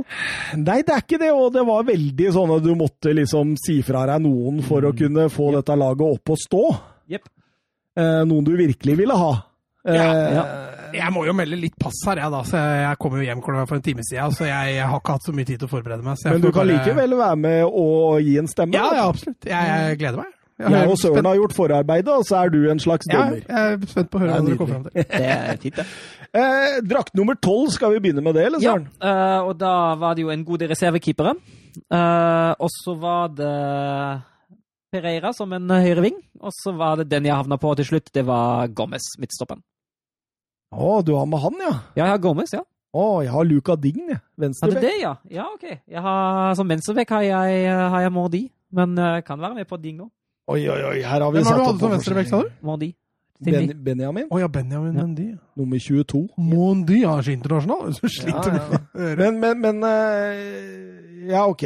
Ok, det, det, er, litt vanskelig, dette her, fordi her går jo spillernumra Ja. og Hvis du ofrer noe her, vet, du, så får ikke dere henta inn. Får ikke Nei, det henta er det, inn vet du, det, du får ikke henta det inn. Men hvem, kan, kan jeg spørre hvem du har som midtstoppere, da? Eh, midtstoppere, der har jeg eh, Skal vi se, der har jeg Erik Dyer Ja, og ja. Ben Gonfrey. Det var nummer 22 og 15. Det kan jeg faktisk være med på. Dyer har jeg også. Uh, og Godfrey vurderte jeg også som midtstopper, så det er, det er helt greit for meg å gå på den. Men- men skal vi- må dere ha Mendy da, som venstrebekk, eller? Nei, Nei. Nei, nei, du nei. Digne. Dign må bli som venstrebekk. Ja. Dign for venstrebekk. Det, det er fint. Nummer 12, Dign. Ja. Uh, nummer 13. uh, da endte jeg opp på en spiss. Ja, Callum du gjorde det? Ja, det gjorde jeg òg, Ja. så da, da kan vi ringe rundt den. Uh, Jeremina og Zack Steffen Ja. var de to andre 13 jeg fant som kunne brukes, Mats. Mm. Eh, nummer 14, da. Ja, eh, da var det jo, eh, var det jo litt å ta av. da. Jordan Henderson. Eh, vi har Laporte, vi har Aubameyang, og jeg endte til slutt opp på Aubameyang. Da brukte jeg spiss nummer to. Eh, det gjorde jeg òg, men jeg satte den på venstre kant. Det det, ja. For det, der, der, der spiller han jo nå. Han spiller jo Eller altså, Ja. det, det er veldig Men han spiller jo i treeren bak Lacassette for tida. Og det har han vel gjort i hele, hele år. Ja, jeg føler fortsatt Med, med unntak av et par kamper, faktisk, når jeg tenker etter, hvor han har blitt skyvet opp i den vinglinga til Arteta den Ja. tida, vet du. Men, eh, men visst Altså, Hvem har du som spiss, da? Eh, jeg har eh, nummer 20, Rodrigo. Ok, fordi jeg har tatt Jota som venstreving. Ja, du har gjort det. Altså, Mm. du har bare bytta. Ja, OK. Du Ja. har bare bytta om de, ja. Åh, dette er tungt, altså. Altså, jeg kjenner jeg kan jo ikke dytte inn en stemme her heller, for da roter jeg jo til laget deres. Nei, for, Nei, men fordi de, de Nei, blir men- veldig fastlåste. Ja, det nå, det. nei, nå, nå, det kan, nå kan du gjøre det, fordi vi har enten 14 som venstreving og 20 som spiss. Nei, for jeg har Yota på høyre kant, skjønner du. Det er der han ja. utgår. Ja, okay. der. Hvem var du som venstre, da? Nei, nei, nei, unnskyld. Nei, nei, nei, vent. Eh, Men dere har Aubameyang, Yota og Rodrigo. Har du Rodrigo? Nei, men Har du Jota og Rodrigo? Rodrigo er jo nummer 20 her nå. Nei, men jeg har ikke Yota på laget. Ja. Jeg har, eh, jeg har, har Yota er helt borte. Yota fortjener ikke en plass på dette laget. Du hater Jota, du, ja. Ja, ja. Nei, men eh, Nei, for Kantspillerne mine er Oliver Torres Nei, Ferran Torres. Har dratt inn en Sevilla-spiller. ja. Ferran Torres og Aubameyang ja, OK. har jeg på kantene. Ja, jeg har, som sagt, altså Det handler jo om eh, 14 og 20 her, fordi vi har enten 20 på topp eller 20 på kant, og 14 på topp og 14 på kant. Jeg, jeg klarer ikke å tenke så langt. Nei, fordi altså, vi har jo begge to med Yang, så plasseringa er jo Vi har jo begge to med Young, så plasseringen bare spørs venstre kant eller spiss. Og så har de jo Ja, hvis valget er Aubameyang eller Rodrigo på topp, så må det jo bli Abomeyang. Aubameyang. Ja, men i forhold til hvordan laget og sammensetninga er vi, vi går litt videre, Søren, så ser Ja. vi. Eh, For dette her blei jo fryktelig rotete og vanskelig å diskutere. Kan vi kanskje ta det med keeperen, da? Det er kanskje det letteste. Ja, nummer 16. Ja, 16 må de. Mandy. Fint, ferdig med den. Ja, da, da er vi. Men hvem har du sentralt på midten? Eh, Det er Bruno Fernandes. Ja, det har jeg òg. Fint, Så der vi er vi, der der er vi inne. Da mangler siste spissen på begge kanter. Og hvem er høyrebekken din? Jeg har eh, Pereira fra Leicester. 21, ikke sant? Ja. Jeg òg. Så da, da har vi i hvert fall Mandy, Pereira nummer 21, Dyer 15, Godfrey 22 og Dign 12. To Everton-stoppere, nei, forsvarere. Ja, ja, Det har jo vært solide. Og så er vi jo enige om eh, KDB og Bruno Bruno Fernandes sentralt. Ja. Og spiss. Og vi er enige om Wilson. Ja. Så da, da står vi jo på Rodrigo Aubameyang, om Aubameyang skal være venstre. Så da setter vi opp den. Hør her nå. Rodrigo, spiss. Eh, Aubameyang, venstre. Eh, Ferran Torres, høyre. Og så, hvem har du høyre og venstre? Men du kan ikke ta Ferran Torres Pereira nummer 21. Torres har også 21. Hæ? Du, du, vi har Pereira som 21. Han. Jeg har satt Ferran Torres som 19, jeg. Nei, Oi! Han han er, han er ikke nummer 21. Jo, det er han kanskje. Det, det, dette må vi sjekke opp. Har jeg blingsa her? Hva er nummeret til Oi, får du opp et telefonnummer, da? Hva er nummeret til Ferran Torres?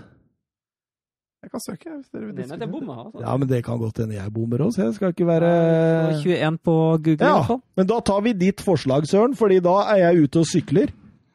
Så hvem har du på høyrebekk da? Høyrebekk Pereira, det er jo greit. Det har vi Ja, sammen. Okay. Høyre kant måtte jeg ta PP. For det er nummer 19. 19. Ja, da måtte jeg ta PP. Det var Simone Pupé.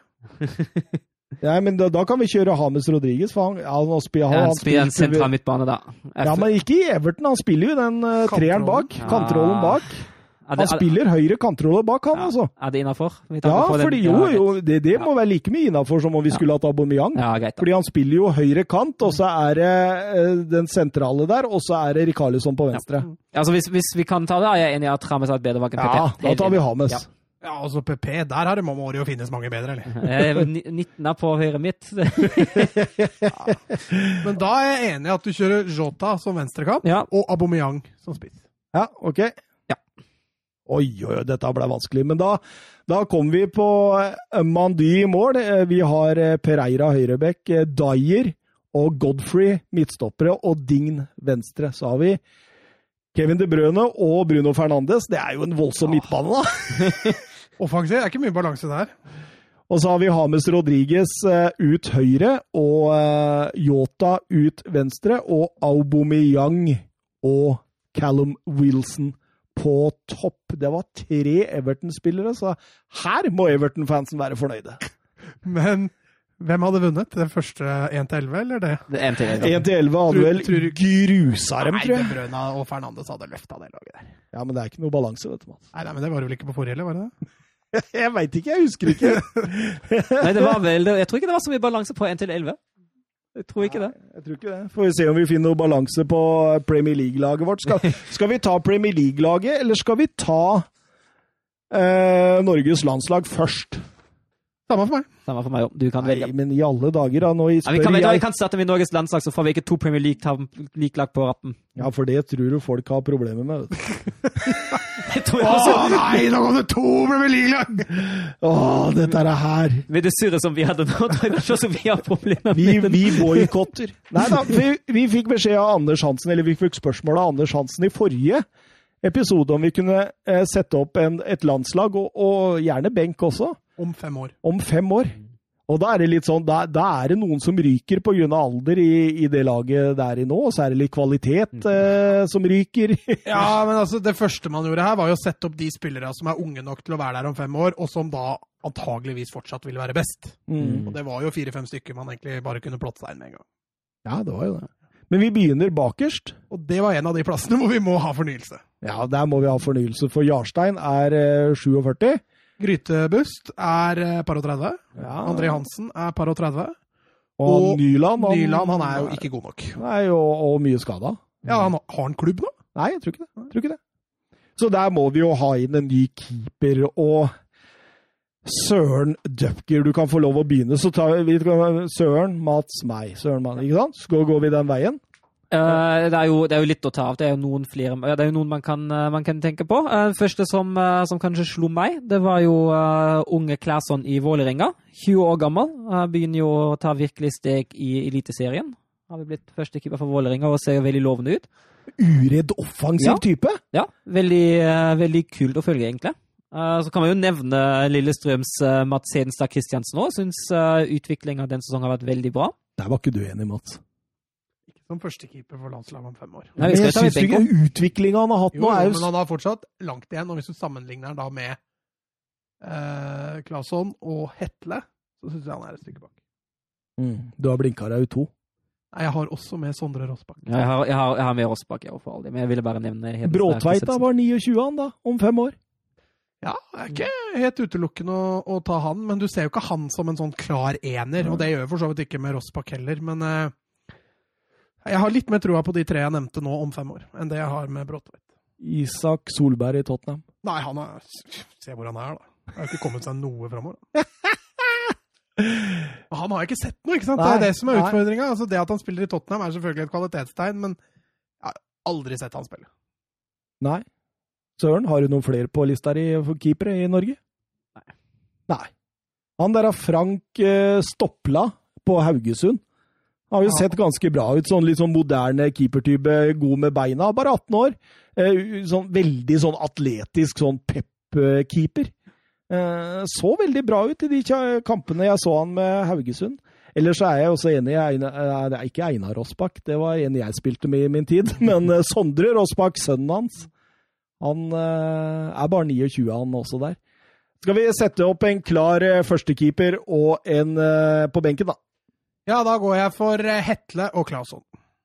Ja, kan være med på det. Hvem er førstekeeper? Eh, den nye Frode Grodås. Håvard Hetle. Mm. For fysikk han Altså, Claesson, det, det, det blir tett kamp, ass. Jeg tror to, de to blir Norges nye keeperduo eh, i nærmeste framtid, faktisk. Moro, moro. Eh, Høyrebekk, da er det du som skal få lov å begynne, Mats. Ja, altså Omar og Svensson og Linnes har vel alle passert 30 eh, og vel så det når vi nærmer oss fem år, så det er mulig vi trenger en utskiftning der også. Eh, og jeg har vel egentlig blinka meg to stykker som kan overta. Altså Både Svensson kan jo faktisk være gammel nok til at han får plass på det laget, men Leo Cornic, som spilte i Grorud i fjor, hadde en fantastisk utvikling under Eirik Kjøne. Eh, gikk nå til Djurgården. Så den utviklinga der skal bli spennende å følge. Eh, og så har du Markus Holmgren Pedersen i, i Molde. Hva, hva med Ryasson? Ja, ja, ja, det kan sikkert være mulig. Ja, men han må begynne å få spille litt mer, altså. Ja, det er jeg enig i. Men... Fordi han kommer jo inn tolv minutter på slutten av hver eneste kamp. Ja, han, sli, han Starta han for nødlandslaget? Nei, han var ikke med. Han var, jo, han, han ble bytta inn, tror jeg. Ja, han ble bytta inn. Ja, men altså, han har jo litt det med at han har lagkaptein og assistkongen uh, Trimil foran seg i Union Berlin. Men jeg syns jo absolutt at uh, utviklinga hans er jo grei nok. Ja. Og han er jo bare 23 nå, tror jeg. Ja da, ja da, for all del. Men han må få spille. Ja, altså, det er det som er litt av problemet hans, syns jeg. Jeg, synes, jeg, er helt enig med Mats. Leo Kornic i, i Djurgården, eh, han ser meget bra ut. Spørsmålet om han tar stega, da. Og så syns jeg også Aslak von Wittry som uh, spiller i Djurgården, ser veldig bra ut. Det snakkes om Utrecht nå, at han mm. driver og tar stega. Bare 24 år nå. Mm. Fem år, 29, kan godt hende det har gått uh, til himmelen. Men uh, hvis du skulle blinke deg ut uh, ja, høyrebekken Den er litt vanskelig, for jeg har jo ikke sett dem begge, verken Cornic eller, eller Holmgren Pedersen. har ikke sett så voldsomt mye, men jeg tror nok jeg, tror jeg nok må blinke meg ut Holmgren Pedersen. Altså. Mm. Du da, Søren? Jeg har sett mye mer Kornic enn Holmgren Pedersen. Jeg var på en del uh, gode kamper nå forrige sesong. Så jeg har jo Jeg syns jo Kornic er en skikkelig kul spiller, så jeg peker på han, ja. ja. Jeg har stort sett sett mest eh, Holmgren Pedersen. Uh, syns han er god offensiv. Kommer fra Tromsø i sin tid. Uh, offensiv, moderne type, men det er jo også Kornic. Mm. Uh, veldig, veldig vanskelig valg. Begge er 20 år, altså 25 om uh, fem år. Mm. det er vanskelig valg. Jeg tar Holmgren Pedersen, jeg. Uh, og uh, setter en kryss i margen for Leon Kornic. Han kan sitte på benken, for han kan også spille venstreback. Ja, det er veldig bra. Da setter vi han på benken. Venstrebekker ja. Vet du hva? Eh, Jeg tenkte Det første jeg har satt opp, er Birger Meling. Han blir 31 år da, og jeg, jeg- er litt sånn Birger Meling-fan. Jeg har aldri skjønt bruken av Alasami kontra Birger Meling. Ja, altså Vi gikk jo hardt ut mot alle sammen, og så fikk han et par landskamper, så vi måtte jekke oss ned litt. Men nå kan vi ta opp det igjen, for nå har det jo vært har han klubb, eller? Nei, det, det, det veit jeg ikke, faktisk. Um, Men eh, det, det står igjen to stykker. Det er eh, Fredrik Oppegård i PSV. Eh, 18-åring. eh, Han har eh, faktisk debutert for PSVs A-lag. eh, Vålerenga-produkt. Eh, meget spennende type. Og så han jeg tror kanskje kan komme til å ta den venstrebekkerollen om fem år, det er Fredrik eh, Bjørkan i Ja. Bodø-Glimt. Han har jo også allerede fått eh, interesse fra utlandet, så at han er en av den det neste norske produktet fra Bodø-Glimt ut er det gode muligheter for. Det blir vel han eller Patrick Berg som blir det neste salgsobjektet for Bodø-Glimt. Så at Bjørkan spiller i utlandet i hvert fall om fem år, det, det, det har jeg stor tro på. Bra type. Ja, moderne- moderne, ja. ja. Og så er han jo løpssterk, da, i likhet med resten av det Bodø-Glimt-laget. Søren, har du noen eh, andre på blokka her? Nei, faktisk ikke. Skal vi stemme, da? Hvem er det vi vil ha inn som venstreback om fem år av disse typene? Ja, eh, det står mellom Meling og Bjørkan, egentlig. Eh, Litt fordi jeg har sett veldig lite Oppegård. Ja. Så, Sies at det skal være et veldig, veldig stort talent. ja da, og, og ta gode muligheter for at han sikkert er der. Men jeg tror jeg går for Meling. Altså. Går for Meling, ja. Jeg går for Bjørkan. Det gjør jeg òg, Søren. Jeg går for Bjørkan. Jeg syns det jeg har sett av Fredrik Bjørkan, har vært eh, meget bra, og at uh, Meling uh, 31 år da Jeg syns laget blir kulere med Bjørkan. Men uh, altså, jeg ser poenget ditt. Meling eh, kan fint eh, gå inn der om fem år. Eh, Stopperen. Stopperen, Søren? Der var det jo mye å ta. Det er jo fortsatt en god del forholdsvis unge stoppere vi har. Ja, men han ene kan vi bare spikre. Ja, er noe Vi spiker Kristoffer Ayer. Ja, Men- altså, kaptein og, og Ja, han er faktisk kaptein. Ja, Altså, han er 21 år nå. Han blir er- 26, og så det soloklart. Uh, ellers har vi jo Sigurd Roste. Han blir var 31, er en fin alder for en stopper. Vi har Bakke Hansen. Baker Hansen. Baker Hansen. Andreas Hanke Olsen, han vil være 28. Uh, Det hadde du glemt, Thomas. Baker Hansen, ja! ja! Den var fin! Oh. Uh, Østigård uh, tror jeg også kommer til å spille en uh, rolle på landslaget. Og så har de jo uh, to talenter her hjemme i Norge. Det er jo Jesper Daland og Henrik Heggheim. Uh, Er særlig, start, eller? ja, start. Og særlig Henrik Heggheim i, uh, i Viking. Viking, 19 Viking. år. Uh, Daland er i start, men uh, Colin Røsler, ja. Mm. Ja. Nakk Breda. 20 år gammel, eh, bøttevis aldersbestemte. Eh, City slapp han jo til Nakk Breda i 2019, Ja, var var det vel? Eh, Spiller fast nå om å rykke opp til Eres-divisjonen. Ligger som nummer tre, så det kan bli Eres-divisjon på Colin Rushler i en alder av 21. Eller så vil jeg ta med Leo Gjelde, altså det er sønnen til, til Jon Olav Gjelde, som, som uh, spilte Champions League med Rosenborg og var en tur i Nottingham Forest, var han ikke det? Jon Olav Gjelde, ja. Ja. Mm, stemmer. Eh, Blei hentet fra eh, RBK til Celtic eh, sitt akademi, og satt på benken for Celtic i helga, 16 år gammel, og sies å være et stort talent som også kan bekle venstreback-posisjonen. Så eh, Så han kan sitte på benken, så har vi en sånn Ja, ja, ja. Hvis, hvis, hvis, hvis vi kjører Leo Gjelde inn på den benken vår, mm. og så går vi for Ajer og Østigård for min del. Jeg går for Daland. Gjør du det? Ja, Men, men, men, nå- han kan jeg for lite om. Fortell meg litt om han. Altså, det, var en, altså, det er en sørlending. Han var, eh, var i Start og vokste opp i Start, og så gikk han til Stabæk for å gå på NTG, og spilte for akademiet til eh, Stabæk. Kjempetalent. Gikk tilbake igjen til Start før forrige sesong, eh, og har spilt fast for Start denne sesongen. Er vel fortsatt bare 20 år, tror jeg. Eh, Eller er han 19? Nei, Litt- 21. Er han 21, ja. Ok. Men uh, uansett, uh, han blir nok ikke med Start ned i uh, Hvor er han går, tror du? da? ja, eller Bodø-Glimt. Sikler det veldig etter da, da. Og et stopper der tror jeg kan lære mye. altså. Jeg er jo litt på den Altså, jeg syns jo Hanke Olsen er meget bra, men jeg tror han sliter litt med spilletida i Gent. Ja, jeg tror ikke han er Nei. Der. Det, ble, det må jo stå mellom Dalan eller Østigård. Ja, og siden jeg ikke kjenner til Dalan, og jeg har eh, veto her nå, på grunn av, så, så blir det Leo Østigård. Altså, han er vel på, i Coventry nå, Mm. eh, på utlån fra Brighton. Har du Eh, sett han mye, eller? Jeg har sett litt championship, jeg har gjort det. Eh, Jeg syns han ser, han ser spennende ut. Han er litt sånn moderne stopper, han òg. Og, og kan egentlig passe med Ayer, egentlig.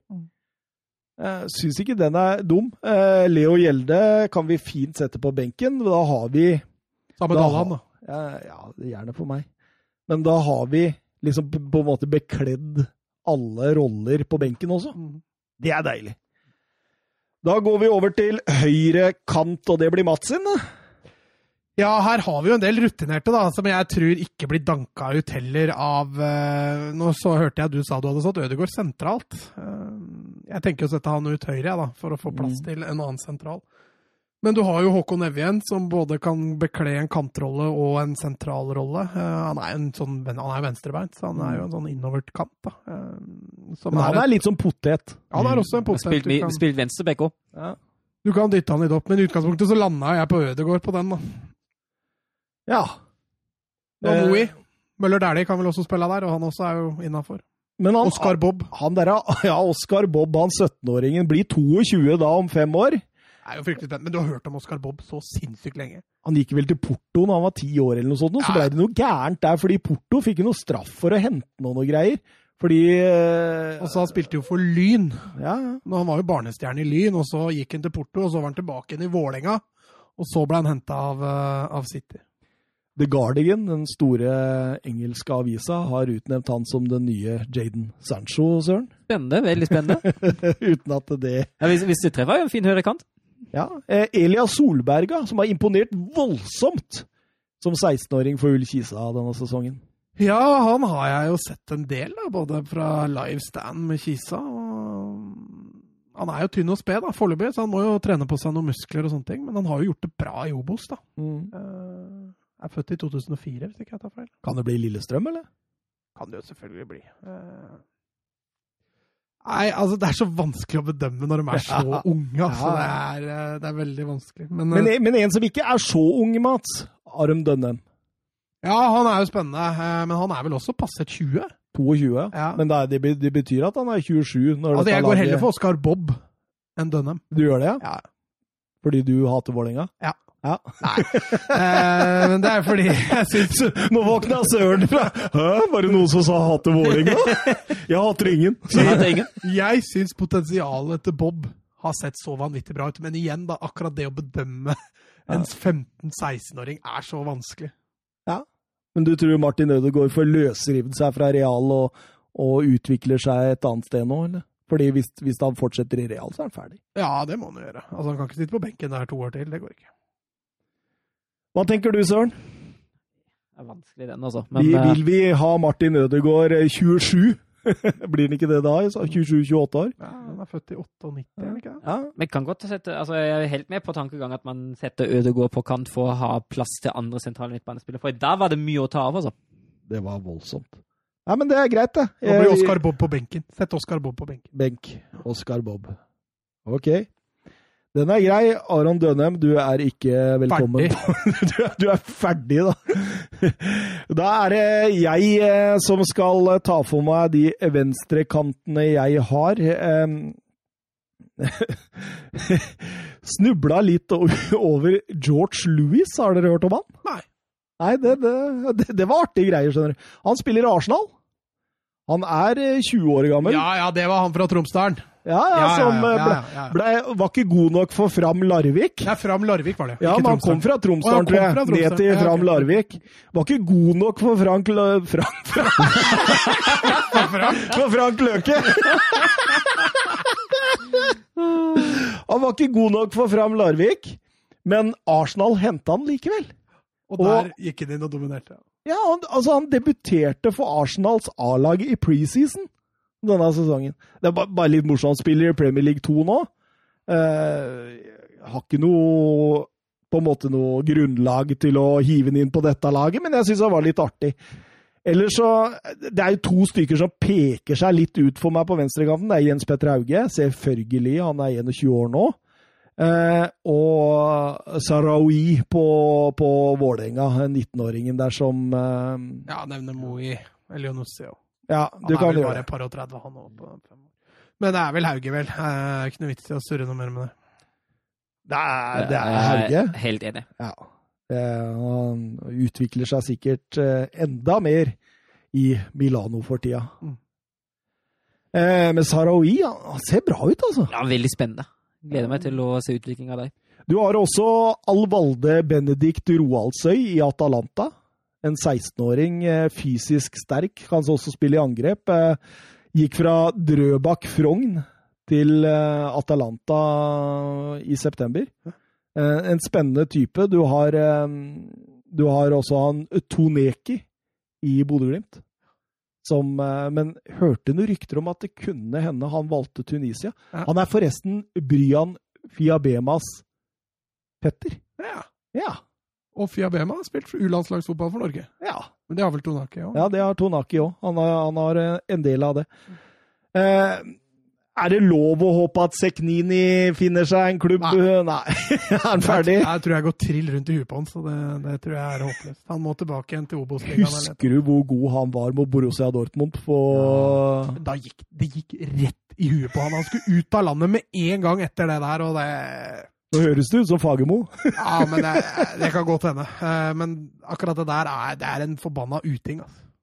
Jens Petter Hauge, den er vel ganske klar. Og nå, Søren, nå får du en oppgave, for her har jeg mye navn. Nå kan jeg strøyke Martin Ødegaard derfra, da. Jo mye noe. navn her, og jeg har sikkert glemt noe nå. Det er Men vi kan vel i hvert fall være enige om Sander Berge. Ja, det kan vi sette ring rundt én gang, tenker jeg. Med en gang. Det kom, man, Han har jeg ikke Jo da.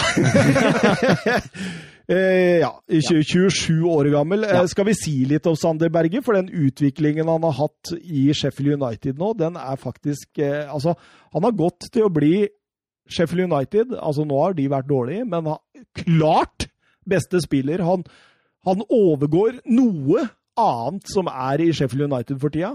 Ja, og så er, nå er han jo dessverre langtidsskada. Kjempetrist, egentlig, både for Sheffield United, men selvfølgelig først og fremst for Sander Berge. Ehm, skulle Sheffield United rykke ned, noe som nå virker svært sannsynlig, selv om de nå antageligvis har slått Newcastle, så, så må han bare gå. Han kan ikke ta et år i Han er altfor god til å spille i championship. Mm. Um, og den, Men det, det kommer han til å gjøre. Ja, men det som er litt med Sander Berge, da Jeg begynner å få litt trua på at han både kan være best som indreløper, ikke en sånn dyp. sånn Det er jo det han, han spiller i Ja, det er akkurat det jeg mener òg. At han har fått til den rollen. Og du ser også på landslaget, når han spiller én av to sittende, så er han vel så god når han tar offensivt ansvar. Mm. Så at han kanskje må gå til et 4-4-2-lag, eller spille indreløper istedenfor den dype i et 4-3-3, det, det tror jeg på. Ja. ja.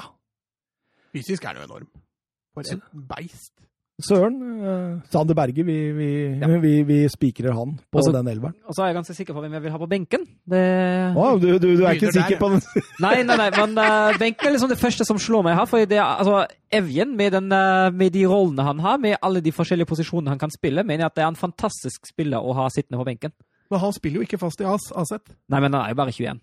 Jo jo, men nå har han vært der i ett og et halvt år. Noe sånt. Vi får se hvordan utviklinga blir, men hvis utviklinga blir bra Nei, denne potensialet der er høyt. Det er Ja. enig. Eh, Og så var det jo mye, som sagt. Jeg har sikkert glemt noen her. Av de som, uh, som fortsatt er der, uh, er jo uh, Selnes, Selnes. Henriksen, Nei, hun- Stefan- Henriksen, Du, vær så snill. Henriksen har jeg faktisk Henriksen og Johansen kan jeg bare droppe med en du har lagt dem opp? Ja, jeg har lagt dem opp. Og på landslagsnivå så er de bare ferdige. Men uh, Selnes har jeg tatt med. Litt sånn usikker på den utviklingen med tanke på Kina og alt der òg. Nordmann, uh, Torsby.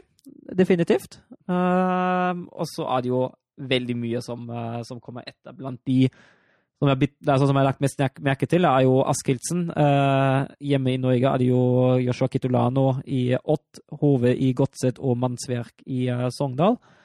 Så er det jo La, la oss stoppe ved noen av dem. Askildsen i Sampdoria.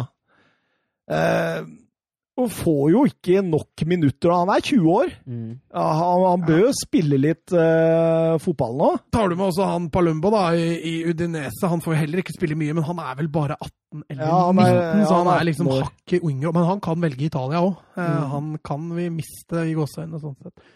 Uh, hvis du tar mannsverk, jeg så den kampen mot Mjøndalen Mm. for Sogndal. Han var jo klasse for seg. Ja, er Han bør ikke spille Obos neste år, altså. Nei.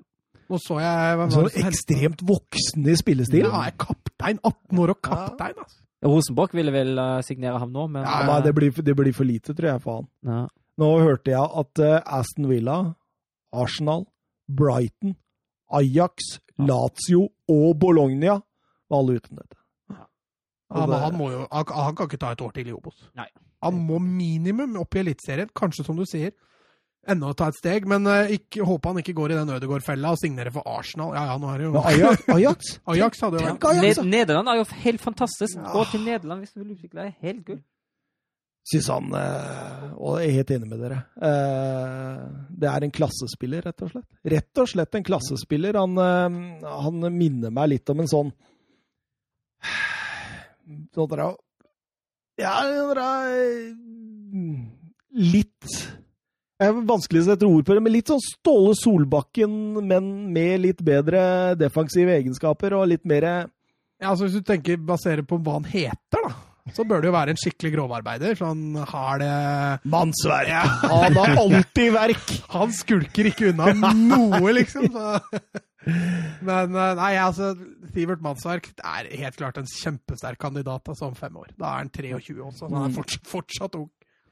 Eh, Christian Arnstad Ja, han er på lista òg. Han er også en av de jeg har nominert. Han eh, de, debutert for eh, Anderlecht, 17 år gammel, og eh, Company eh, sier han eh, utvikler seg voldsomt og Ja. fortjener sjansene. Han fikk jo starte i høst mot Klubb Brygge i hva skal vi kalle det, et belgisk toppoppgjør. eh, Og så fikk han en alvorlig hodeskade, så han har vært ute av spill en stund. Men var tilbake igjen nå, så jeg, så han er tilbake igjen i, i spill. eh, Men eh, utvilsomt. Han har jeg også sett live uh, i en uh, Telenor Cup for gutt 16. Da spilte han for Stabæk. Han var helt rå. Altså. Han Eide den andre omgangen mot Gjelleråsen. Åssen type er han? Han er en tier-type. Ja, Han er en playmaker. Han er ikke så stor av vekst. Uh, lavt tyngdepunkt. Fantastisk nærteknikk. Moderne offensiv midtbanespiller, kan vi vel kalle det. Isak Hansen Aarøen i Manchester United. United. Mm. Han har jeg 16 år gammel. Nada. Er 16 år gammel, debutert for eh, United U21 i eh, september. Eh, debuterte jo før det i Obos-ligaen for Tromsø, før han ble henta til Manchester United. En sånn pasningssikker, kreativ type. Veldig spennende for fremtiden. Eh, har også eh, Jeg har litt flere. Patrick Berg i, i Bodø-Glimt. Han er jo ikke Han gamle karen. Nei, men nå, han begynner å dra på åra for et sånt lag. For han, er, han er vel 22 eller 23, er han ikke det? Ja, ja. Så han blir jo en 27-28 om fem år, da. Det er vel Men spiller han fortsatt i Bodø-Glimt, så veit jeg ikke hvor aktuelt det er. Med- Jeg, jeg rangerer fortsatt Sivert Mannsverk foran han. Ja, det gjør. Men hva med Cornelius Hansen i Stabæk? Jeg har sett for lite. ja, ja. Jeg ser ikke Men, men det, er, det er han som var i Southampton, det? Ja. Ja. Han var vel i Southampton og var der et par år. Sondre Auklend i Viking. Mm. Ja, det er også et kjempetalent. Mm. Fikk jo eh, vist seg litt fram eh, i Eliteserien denne sesongen. Eh, vist seg fram i, i Ajax også. Eh, Odin Tiago Holm. Ja, Han har vel vært på noen sånne der kåringer som de største talenta? Ja, jeg, jeg veit ikke om jeg har sagt det i podkasten her før, jeg, men eh, vi møtte jo eh, Vi møtte jo laget hans. Jeg husker ikke det er lag fra Trondheim. Ikke Ranheim, ikke Rosenborg. Men eh, Steders Blink. Blindheim. er et lag som ofte vinner HamKam. Jeg husker ikke. Men uansett, han spilte den kampen mot oss, eh, og vi tapte 5-1. Og Odin Tiago Holm skåra 5. Ja. Ja. Vi er der, liksom. Vi er der, ja. Så han, eh, han eide oss. Mm.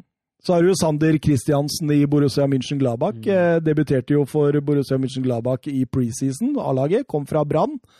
Eh, jeg spiller for eh, Borussia München-Gladbachs annet lag sånn regelmessig. Eh, fin utvikling der. Ja, så har du jo Mathias Kjølø i PSV. eh, Mm. og Thomas Rekdal i Mainz. Så, Det er mye her. Det er mye her. Ja, men jeg, jeg, så jeg ender på Mannsvek, altså. Jeg gjør det. Skal vi gjøre det, eller? Sett Ja, klinen jeg- inn og bare øke presset hans for ja, ja, og han hører helt sikkert på dette, så nå føler han sikkert voldsomt press, faktisk. Jeg fikk tekstmelding av han i går. Han Ja, du gjorde det, ja. Sa at vi Tekstmelding, faktisk. få meg inn på det laget, så jeg. Mye betalte han for det? Ikke en signert Liverpool-drakt, eller? En halv cola. En halv cola. Signert Liverpool-drakt! Det, det skal vi slutte å lodde ut nå, for å si det sånn. Um, ja, men den er fin. Men, men, hvis vi skal ha en reserve da, på benken for Sander Berge og Sivert Ja, for vi har Evjen, Oskar Bob og en til. ja. Ja, det er jaggu et godt spørsmål. Hvem er nominerer? Askildsen, Palumbo Markus Solbakken, da. Markus Nei. Altså, det er, han er bra, det er ingen tvil om det, altså, men eh, jeg, jeg ser ikke han Mm, Nei, jeg veit ikke. Eh, Kanskje Askildsen, da. Jeg tror kanskje han eh, Ja, er lengst framme. det er greit. Det er greit. Da er det spissrekka, da. Det er jo to stykker som blinker seg ut med en gang. Ja, du kan jo spikre i hvert fall han i Dortmund. kan vi gjøre det, eller? Han er, Han er 25, 25 da, da. og har da passert 300 mål for Dortmund. Tenk det, om fem år, når vi sitter og, la, vi, vi sitter og lager denne lista her, Søren, om fem år så er eh, Erling Braut Haaland 25 år gammel. Da føler jeg meg gammel, i hvert fall. Takk. Da har han gifta seg med både Bisgaard Sunde, Jan Åge Fjørtoft og Rune Bratseth. Han gifta seg med hele Viasat-studioet. Og alle er i den dype toeren.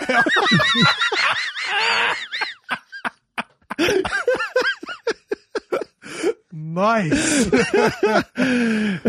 Men eh, Alexander Sørloth, han er jo bare 30, han da. Ja da, og han er jo en, eh, en het kandidat. Eh, Vi kan jo også nevne Fiabama. Han tror jeg faktisk jeg har lyst til å ha med. 17 år, 22 da. Ja. Trener med A-laget til Chelsea hver eneste dag. Etablert seg på U23-laget deres. Og tar enorme steg, melder Tor André Flo. Det å slå seg løs, slå seg løs, det å slå seg gjennom i Chelsea er jo ingen enkel oppgave. Så jeg, jeg tror nok dette bare er et midlertidig steg, for han må ut. Han Mm. blir vel fort en av disse leiesoldatene til Chelsea, en av de 2000 de har. Ja. Eh, men, men at han har en bra framtid, det, det er ingen tvil om. Og jeg tror at han har et potensial som er større enn Sørloth sitt.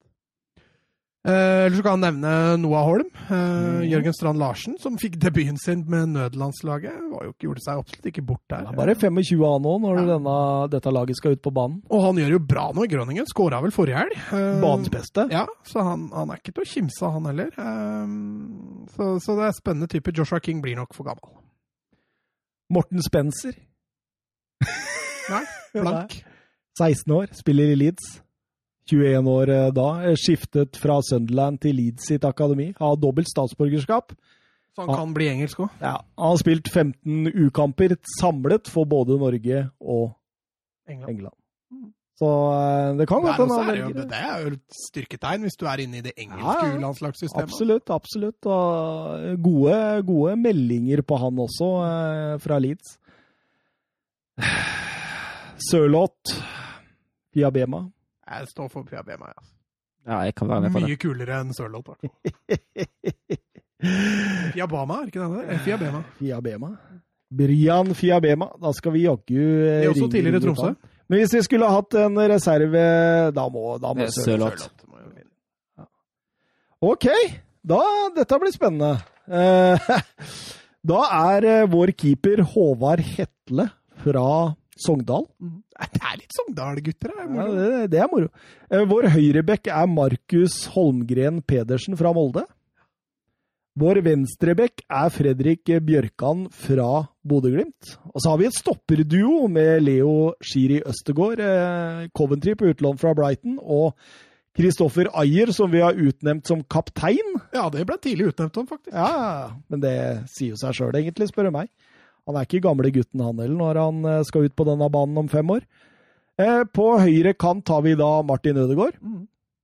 Sentralt Sander Berge og Sivert Mannsverk. Og eh, på venstre kant har vi Jens Petter Hauge. Mm. Med Erling Braut Haaland og Bryan Fiabema på topp. Det, det, det er et Artig lag. artig lag. Og det vokser godt i norsk fotball. Så det, det blir veldig spennende. Nå må vi ta fatt på den siste delen av eh, disse X... X1. Ro, ro, X1. XL. XL. XL. Vi, vi tar fatt på eh, det beste Premier League-laget vi kan oppdrive i forhold til kvalitet. Sånn som vi gjorde med Serie A nå sist. Og så skal de inn i miksen sammen med La Liga og Bundesliga. Så finner vi det mest solide laget på Twitter, altså Twitter-lyttera, vil stremme fram. To i semifinalen. Vi trekker bare tilfeldig hvem som møter hvem, og en finale. Og keepere i Premier League, der har vi jo mye å ta av. Ja, det var mye å ta. Eh, Jeg klarte å snevre inn til seks, jeg. Mm. Eh, Såpass? ja, ja, fra 20 til 6. Det var Det er litt, over halvparten, da. Um, jeg, Hvis ikke Carl Dahlow er med der, da skuffer du altså. Nei, jeg har faktisk ikke tatt med Dalo. Hæ? Kunne jeg tatt med. men, Han har jo eh, vært helt enorm. Ja, Newcastle. Ja, men jeg er helt enig i at han ikke skal med her. Hvorfor ikke? Nei, fordi han har prestert i eh, 14 kamper, liksom. de, de seks jeg har tatt Diabema kommer med på landslaget. altså, altså, han havner jo uansett ikke på, på sluttutvalget. De seks jeg har tatt med i nærmere betraktning, det er Alison Ederson, Digea, Loris, Schmeichel og Martinez, og jeg ender til slutt opp på Alison Heim. Ja, Jeg er helt enig. ja det, det er greit, faktisk. Det er Eh, Det blir mye Liverpool bak her, det gjør det. Mm. Høyrebekkene, der har vi jo fryktelig mye å velge mellom. Eh, Ja. Mye engelsk, faktisk. Eh, Du har kanskje en Cancelo, men han, som du sier, da, har vært god i 14 kamper, så da kan vi jo stryke han. Ja, Han har vært god litt mer, da. Han var god i Juventus og i periode, han altså. Ja, Så, Det teller, da. Ja, men i forhold til vi, Som vi sa, kvalitet. Ok, ok. Så jeg syns Cancelo er oppe og nikker her, altså. Ja, det syns jeg òg. Eh, For du har jo Arnold, og så har du Reece James. Fambisaka nå Bissaka når riktignok ikke helt opp. Eh, Kyle Walker bør absolutt eh, nomineres. Eh, Serge Aurier bør vi holde unna. Ja. Men eh, det var, altså jeg føler jo vi kommer Selv om eh, Trent Alexander Arnold har hatt en skuffende sesong så langt, så føler jeg ikke kommer utenom han. Mm, mm. Eh, du, Søren? Ja, ja, det, for meg sto det mellom Alexander Arnold og Cancelo. Eh, Hvem valgte du? kan godt ende opp på Alexander Arnold, men litt, litt mer under tvil som eh, enn Mats. Ok, da, da, nå får Søren bestemme, fordi jeg velger Cancelo. OK. Nei, men uh, veit du hva? Hvis du velger feil nå, så må du gå. Du er klar over det? Nei, jeg, jeg, Pleier du å kjøre noe sted etterpå? Er det det Nei, man må gå nå. Å, får gå ikke, må ikke være med på resten. Nei, vet du hva, jeg har, jeg har Det er tett, men det, akkurat nå er det fortsatt Alexander Arnold. Det kan hende at det, hvis vi skulle sette opp det laget om et år, at det ser annerledes ut. Han, han blir ukomfortabel. Da fikk jeg ikke Canceloen min. Jeg syns eh, Arnold er for svak defensivt, men det, det er greit. Det er opp til dere. Eh, venstre back, der er meg, da, faktisk. Se på Mats og tenke. Jeg eh, hadde en liste der på fem. Eh, Luka Ding fra Everton. Jeg er, jeg er litt Luka Ding-fan. Syns han er bra. God, eh, han burde Barcelona hatt. du skulle sett han i Barcelona. Da hadde du ikke vært like fan. Det var en grunn til at de solgte den. Ja, men At han har blomstra i Everton, det, det er for så vidt greit. Eh, For han viste jo potensial i Barca òg, men, men han var jo ikke stabil. Kieran Turney, Ben Shilwell, Sergio Regulon og Andy Robertson er de eh, utvalgte, og jeg har gått Liverpool her, da. Det har nok jeg gjort òg, men jeg føler jo Tierney er nærme nå. ass. Han syns jeg har vært strålende i Arsenal. Men han er ikke helt der. Nei, nei, nei. nei. Eh, Jeg skal ikke være så tulling. Men eh, at jeg også lander på Robertsen, det, det er ikke noe tvil om det. altså. Det, som sagt, det blir mye Liverpool bak her. altså. Ja, det, den var ganske klar. Andy Robertson, ja. Nå Da har vi bekka til Liverpool og en van Dijk, da du gjør deg ikke bort Ja, vi kan jo spikre van Dijk med. Vi, vi gjør det med Ja, vi kan, Søren. ja, vi kan van Dijk. også. Men hvem spikrer du ved siden av van Dijk, ja, Søren? jeg endte opp uh, Jeg kan jo nevne de som jeg har valgt. Jeg har valgt én bare for å irritere deg, Thomas. Maguire? Nei, han var Nei. ikke jeg på lista engang. Nei, han på lista, jeg har ikke valgt, men jeg har han på lista bare for å nevne ham. Uh, Åh, Hjerteinfarkt! og så har jeg valgt eh, begge to i eh, Tottenham. Jeg har valgt både Dyer og Aldevereid. Uh, jeg har valgt Thiago Silva til tross for at han eh, begynner å være litt rufsete i noen kamper. Jeg har også valgt eh, Gabriel, som jeg mener er en ganske spennende stopper. Eh, men jeg har også valgt to fra City, og det er Stones og Diaz, og jeg ender til slutt opp på Diaz. Jeg syns Diaz er en enorm midtstopper, og valget faller på ham. Istemmes. Istemmes. Van Dijk og Ruben Diaz, det høres heftig ut. Mhm. Og da kommer vi litt bort fra Liverpool òg, før vi på høyrekanten kanskje får Liverpool, har jeg snudd om, Mats! Ja, nei, det er jo vanskelig selvfølgelig å komme unna Mohammed Salah her. Eh, Hvis vi ikke setter den på høyrekant, så får vi jo ikke plass til den. Så kan jo nominere så mange vi gidder, men vi lander jo på Salah uansett. Gjør vi ikke det, altså? Jo, vi gjør det. Altså, jeg hadde Mares, Ziyech, Traore og Pulisic som de, liksom de nærmeste. Ja, Pulisic er jo best venstre. Ja, han er jo egentlig det. så, Men Siert så har jo prestert i 14 kamper, Ja, da. ja, helt enig. Helt Så- enig. Nei, Salah, jeg tror ikke vi kommer utenom han. Liker Adama Traore.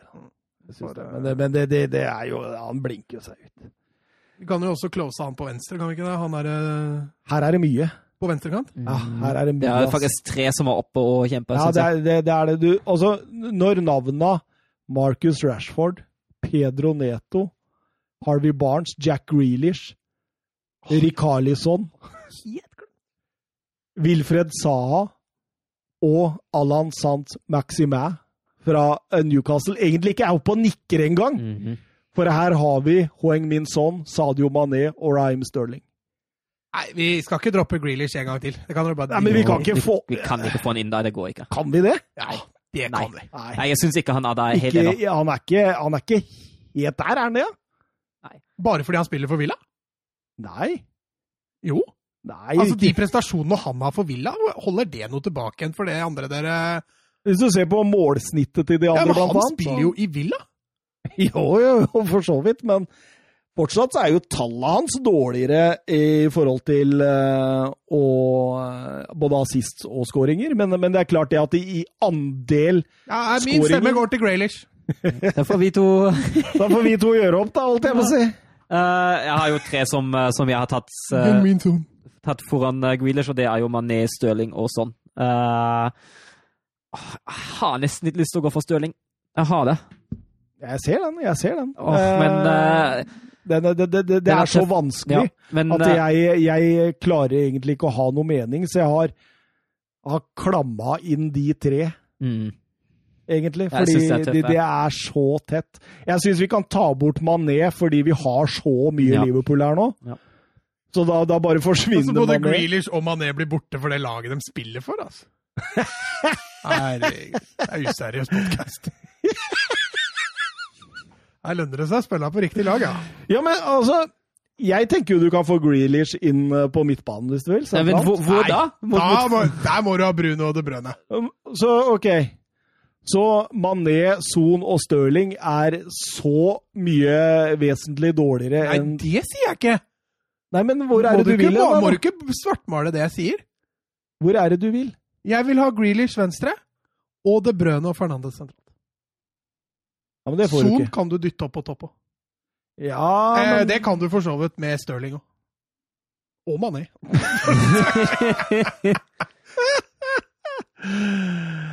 ah. Og på topp, altså hvis vi tar Harry Kane, da. Den er jeg for så vidt Ja, fordi, med. ja det, Eh. nå, nå sier du noe, fordi jeg er ikke helt fornøyd med andre spissen nei, min. jeg enig Altså, jeg har Vardi. Ja, jeg har Firmino. Ja, OK. Ja. Firmino. Ja. Men da kan vi faktisk heller ta Stirling på topp. Jeg er med på den, altså. Ja, eller Son. ja, men jeg, altså, jeg- foretrekker faktisk Støling. Ja, hvorfor det? Jeg syns Støling har over lengre tid prestert over et høyere nivå. Selv om eh, Son har vært helt innom den sesongen. Du veit hvor lenge Son har eh, prestert i Tottenham, eller? jo, for all del. Men eh, Jeg tror ikke tidsaspektet er det vi skal, skal ta Son på her, liksom.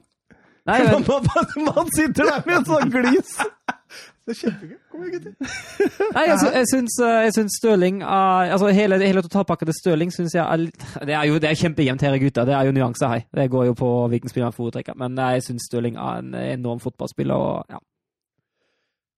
Ja, altså Jeg er for så vidt enig med, med Søren. Hvis vi skal tenke kamp, da. Hvis, hvis dette laget her skulle møtt et annet, så ville jeg hatt Son og Kane pga. det samarbeidet der. Det er jo helt enormt. Hvis jeg bare skal tenke én enkelt spiller, så Det, det lander jeg det jeg, vi må gjøre her nå. da lander jeg på Stirling. Ja. Egentlig, Men- men- egentlig lander jeg på Mané. Men, men skal vi gjøre det? Skal vi la han der grinebiteren over her få Grealish inn i laget? Jeg kan godt få Grealish inn i laget. Det... Ja, men det kan jeg jo. Altså, jeg ser jo Eller så kan vi flytte en av de på topp og bare ta en av de andre. Ja, det kan vi, vi, vi kan jo gjøre det, og vi kan jo sette inn Son eller Mané. Og så får du ikke Stirling. Ender ikke bare både Jo, det er det jeg mener. At vi setter inn uh, Stirling på topp, og så kan vi sette inn Sone eller Mané inn Ja. der. Eller Grealish. Ja, ja, ja. Jeg har sagt hvor stemmene mine går. jeg. Jeg skal ha Grealish på venstre, Stirling på topp. Og sammen med Kane. Han er fryktelig god, Grealish, men er han bedre enn Mané og Son? Ja, det er liksom det det går, det går ned på. Jeg er litt usikker på den, altså. Er han det, Mats? Altså, hvis det er en mer toneangivende spiller enn Premier League, så er det Grealish. Hvem ah, spiller er det som er like toneangivende for et egentlig under ta, midt på tabellen lag enn Jack Grealish? Han aleine løfter det laget eh, enn så lenge over topp ti. Men hvis Grealish går til Manchester United, tror jeg han kommer til å bli like god. Han har en mentalitet som jeg tror er steinhard. Ja. I likhet med mye annet på kroppen hans.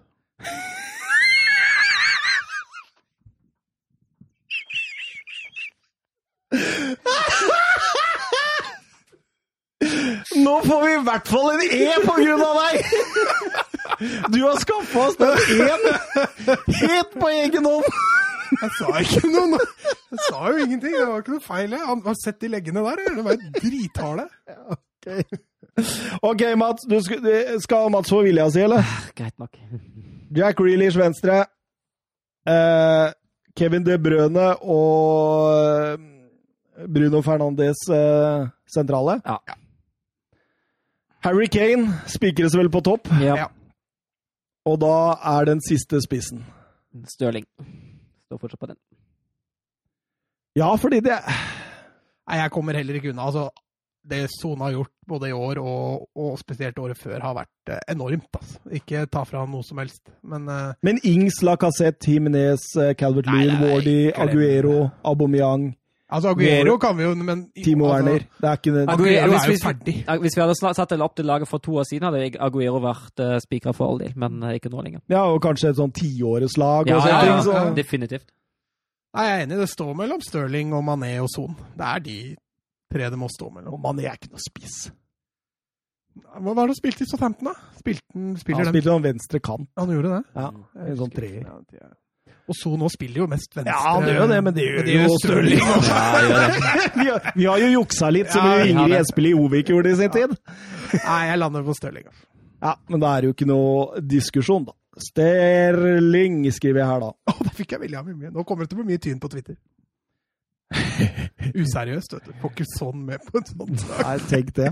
Tenk det. Det er det det kommer til å bli mest uh, hoss om her, tror jeg. Ja, jeg tror jeg venter en venstrekant, definitivt. Nei, nei, nei, Grealish er Keeper Alison Becker. Høyreback Trent Alexander Arnold. Venstre Andy Robertson. Og stopper Virgil van Dijk. Og hittil så høres det ut som et rent Liverpool-lag. Men vi har eh, Ruben Diaz fra Manchester City på den andre midtstopperen. Vi har eh, Mo Salah tilbake i Liverpool igjen på høyre kant. Vi har eh, Jack Grealish på venstre kant. Kevin De Brøne og Bruno Fernandes som sentrale midtbanespillere. Og Harry Kane og Hoeng Min Son på topp. Raheem Sterling på topp. Ja, OK, greit. Jeg skriver ikke under på den, men jeg hører hva dere sier. bra. Det er det eneste vi forventer. Ja, jeg, eh, jeg fatter ikke det sonebyttet. At, at dere kan sette opp et sånt lag. Altså, jeg håper alle dere som hører dette her nå, og har en Twitter-konto, gå inn og slakt Mats og Søren for at uh, Hoeng Min Son ikke kommer inn på dette laget. Gjør det. Det er en oppfordring. Herregud, og furten. Nei, furten. Jeg sitter jo her og smiler, jo. Ja, men inni deg så Nei, jeg bare sier at nå er vi useriøse. Å ja. Ja. Det var ikke mer som skulle til. Nei. Han er topp 15, da. Definitivt. Ja, han sitter på Jeg er benken. første på benken. Han er førstemann på benken. Altså, hvis det laget her sliter, så bytter vi sånn inn ganske Og tidlig. hvis noen, har en, hvis noen er i dårlig dagsform, da mister de plassen sin. Dere har en dårlig dagsform. Nei, eh, vi sier uh, høres igjen på tirsdag, vi. Yeah. Det gjør vi. Ha det bra, alle kjære lyttere. Ha det.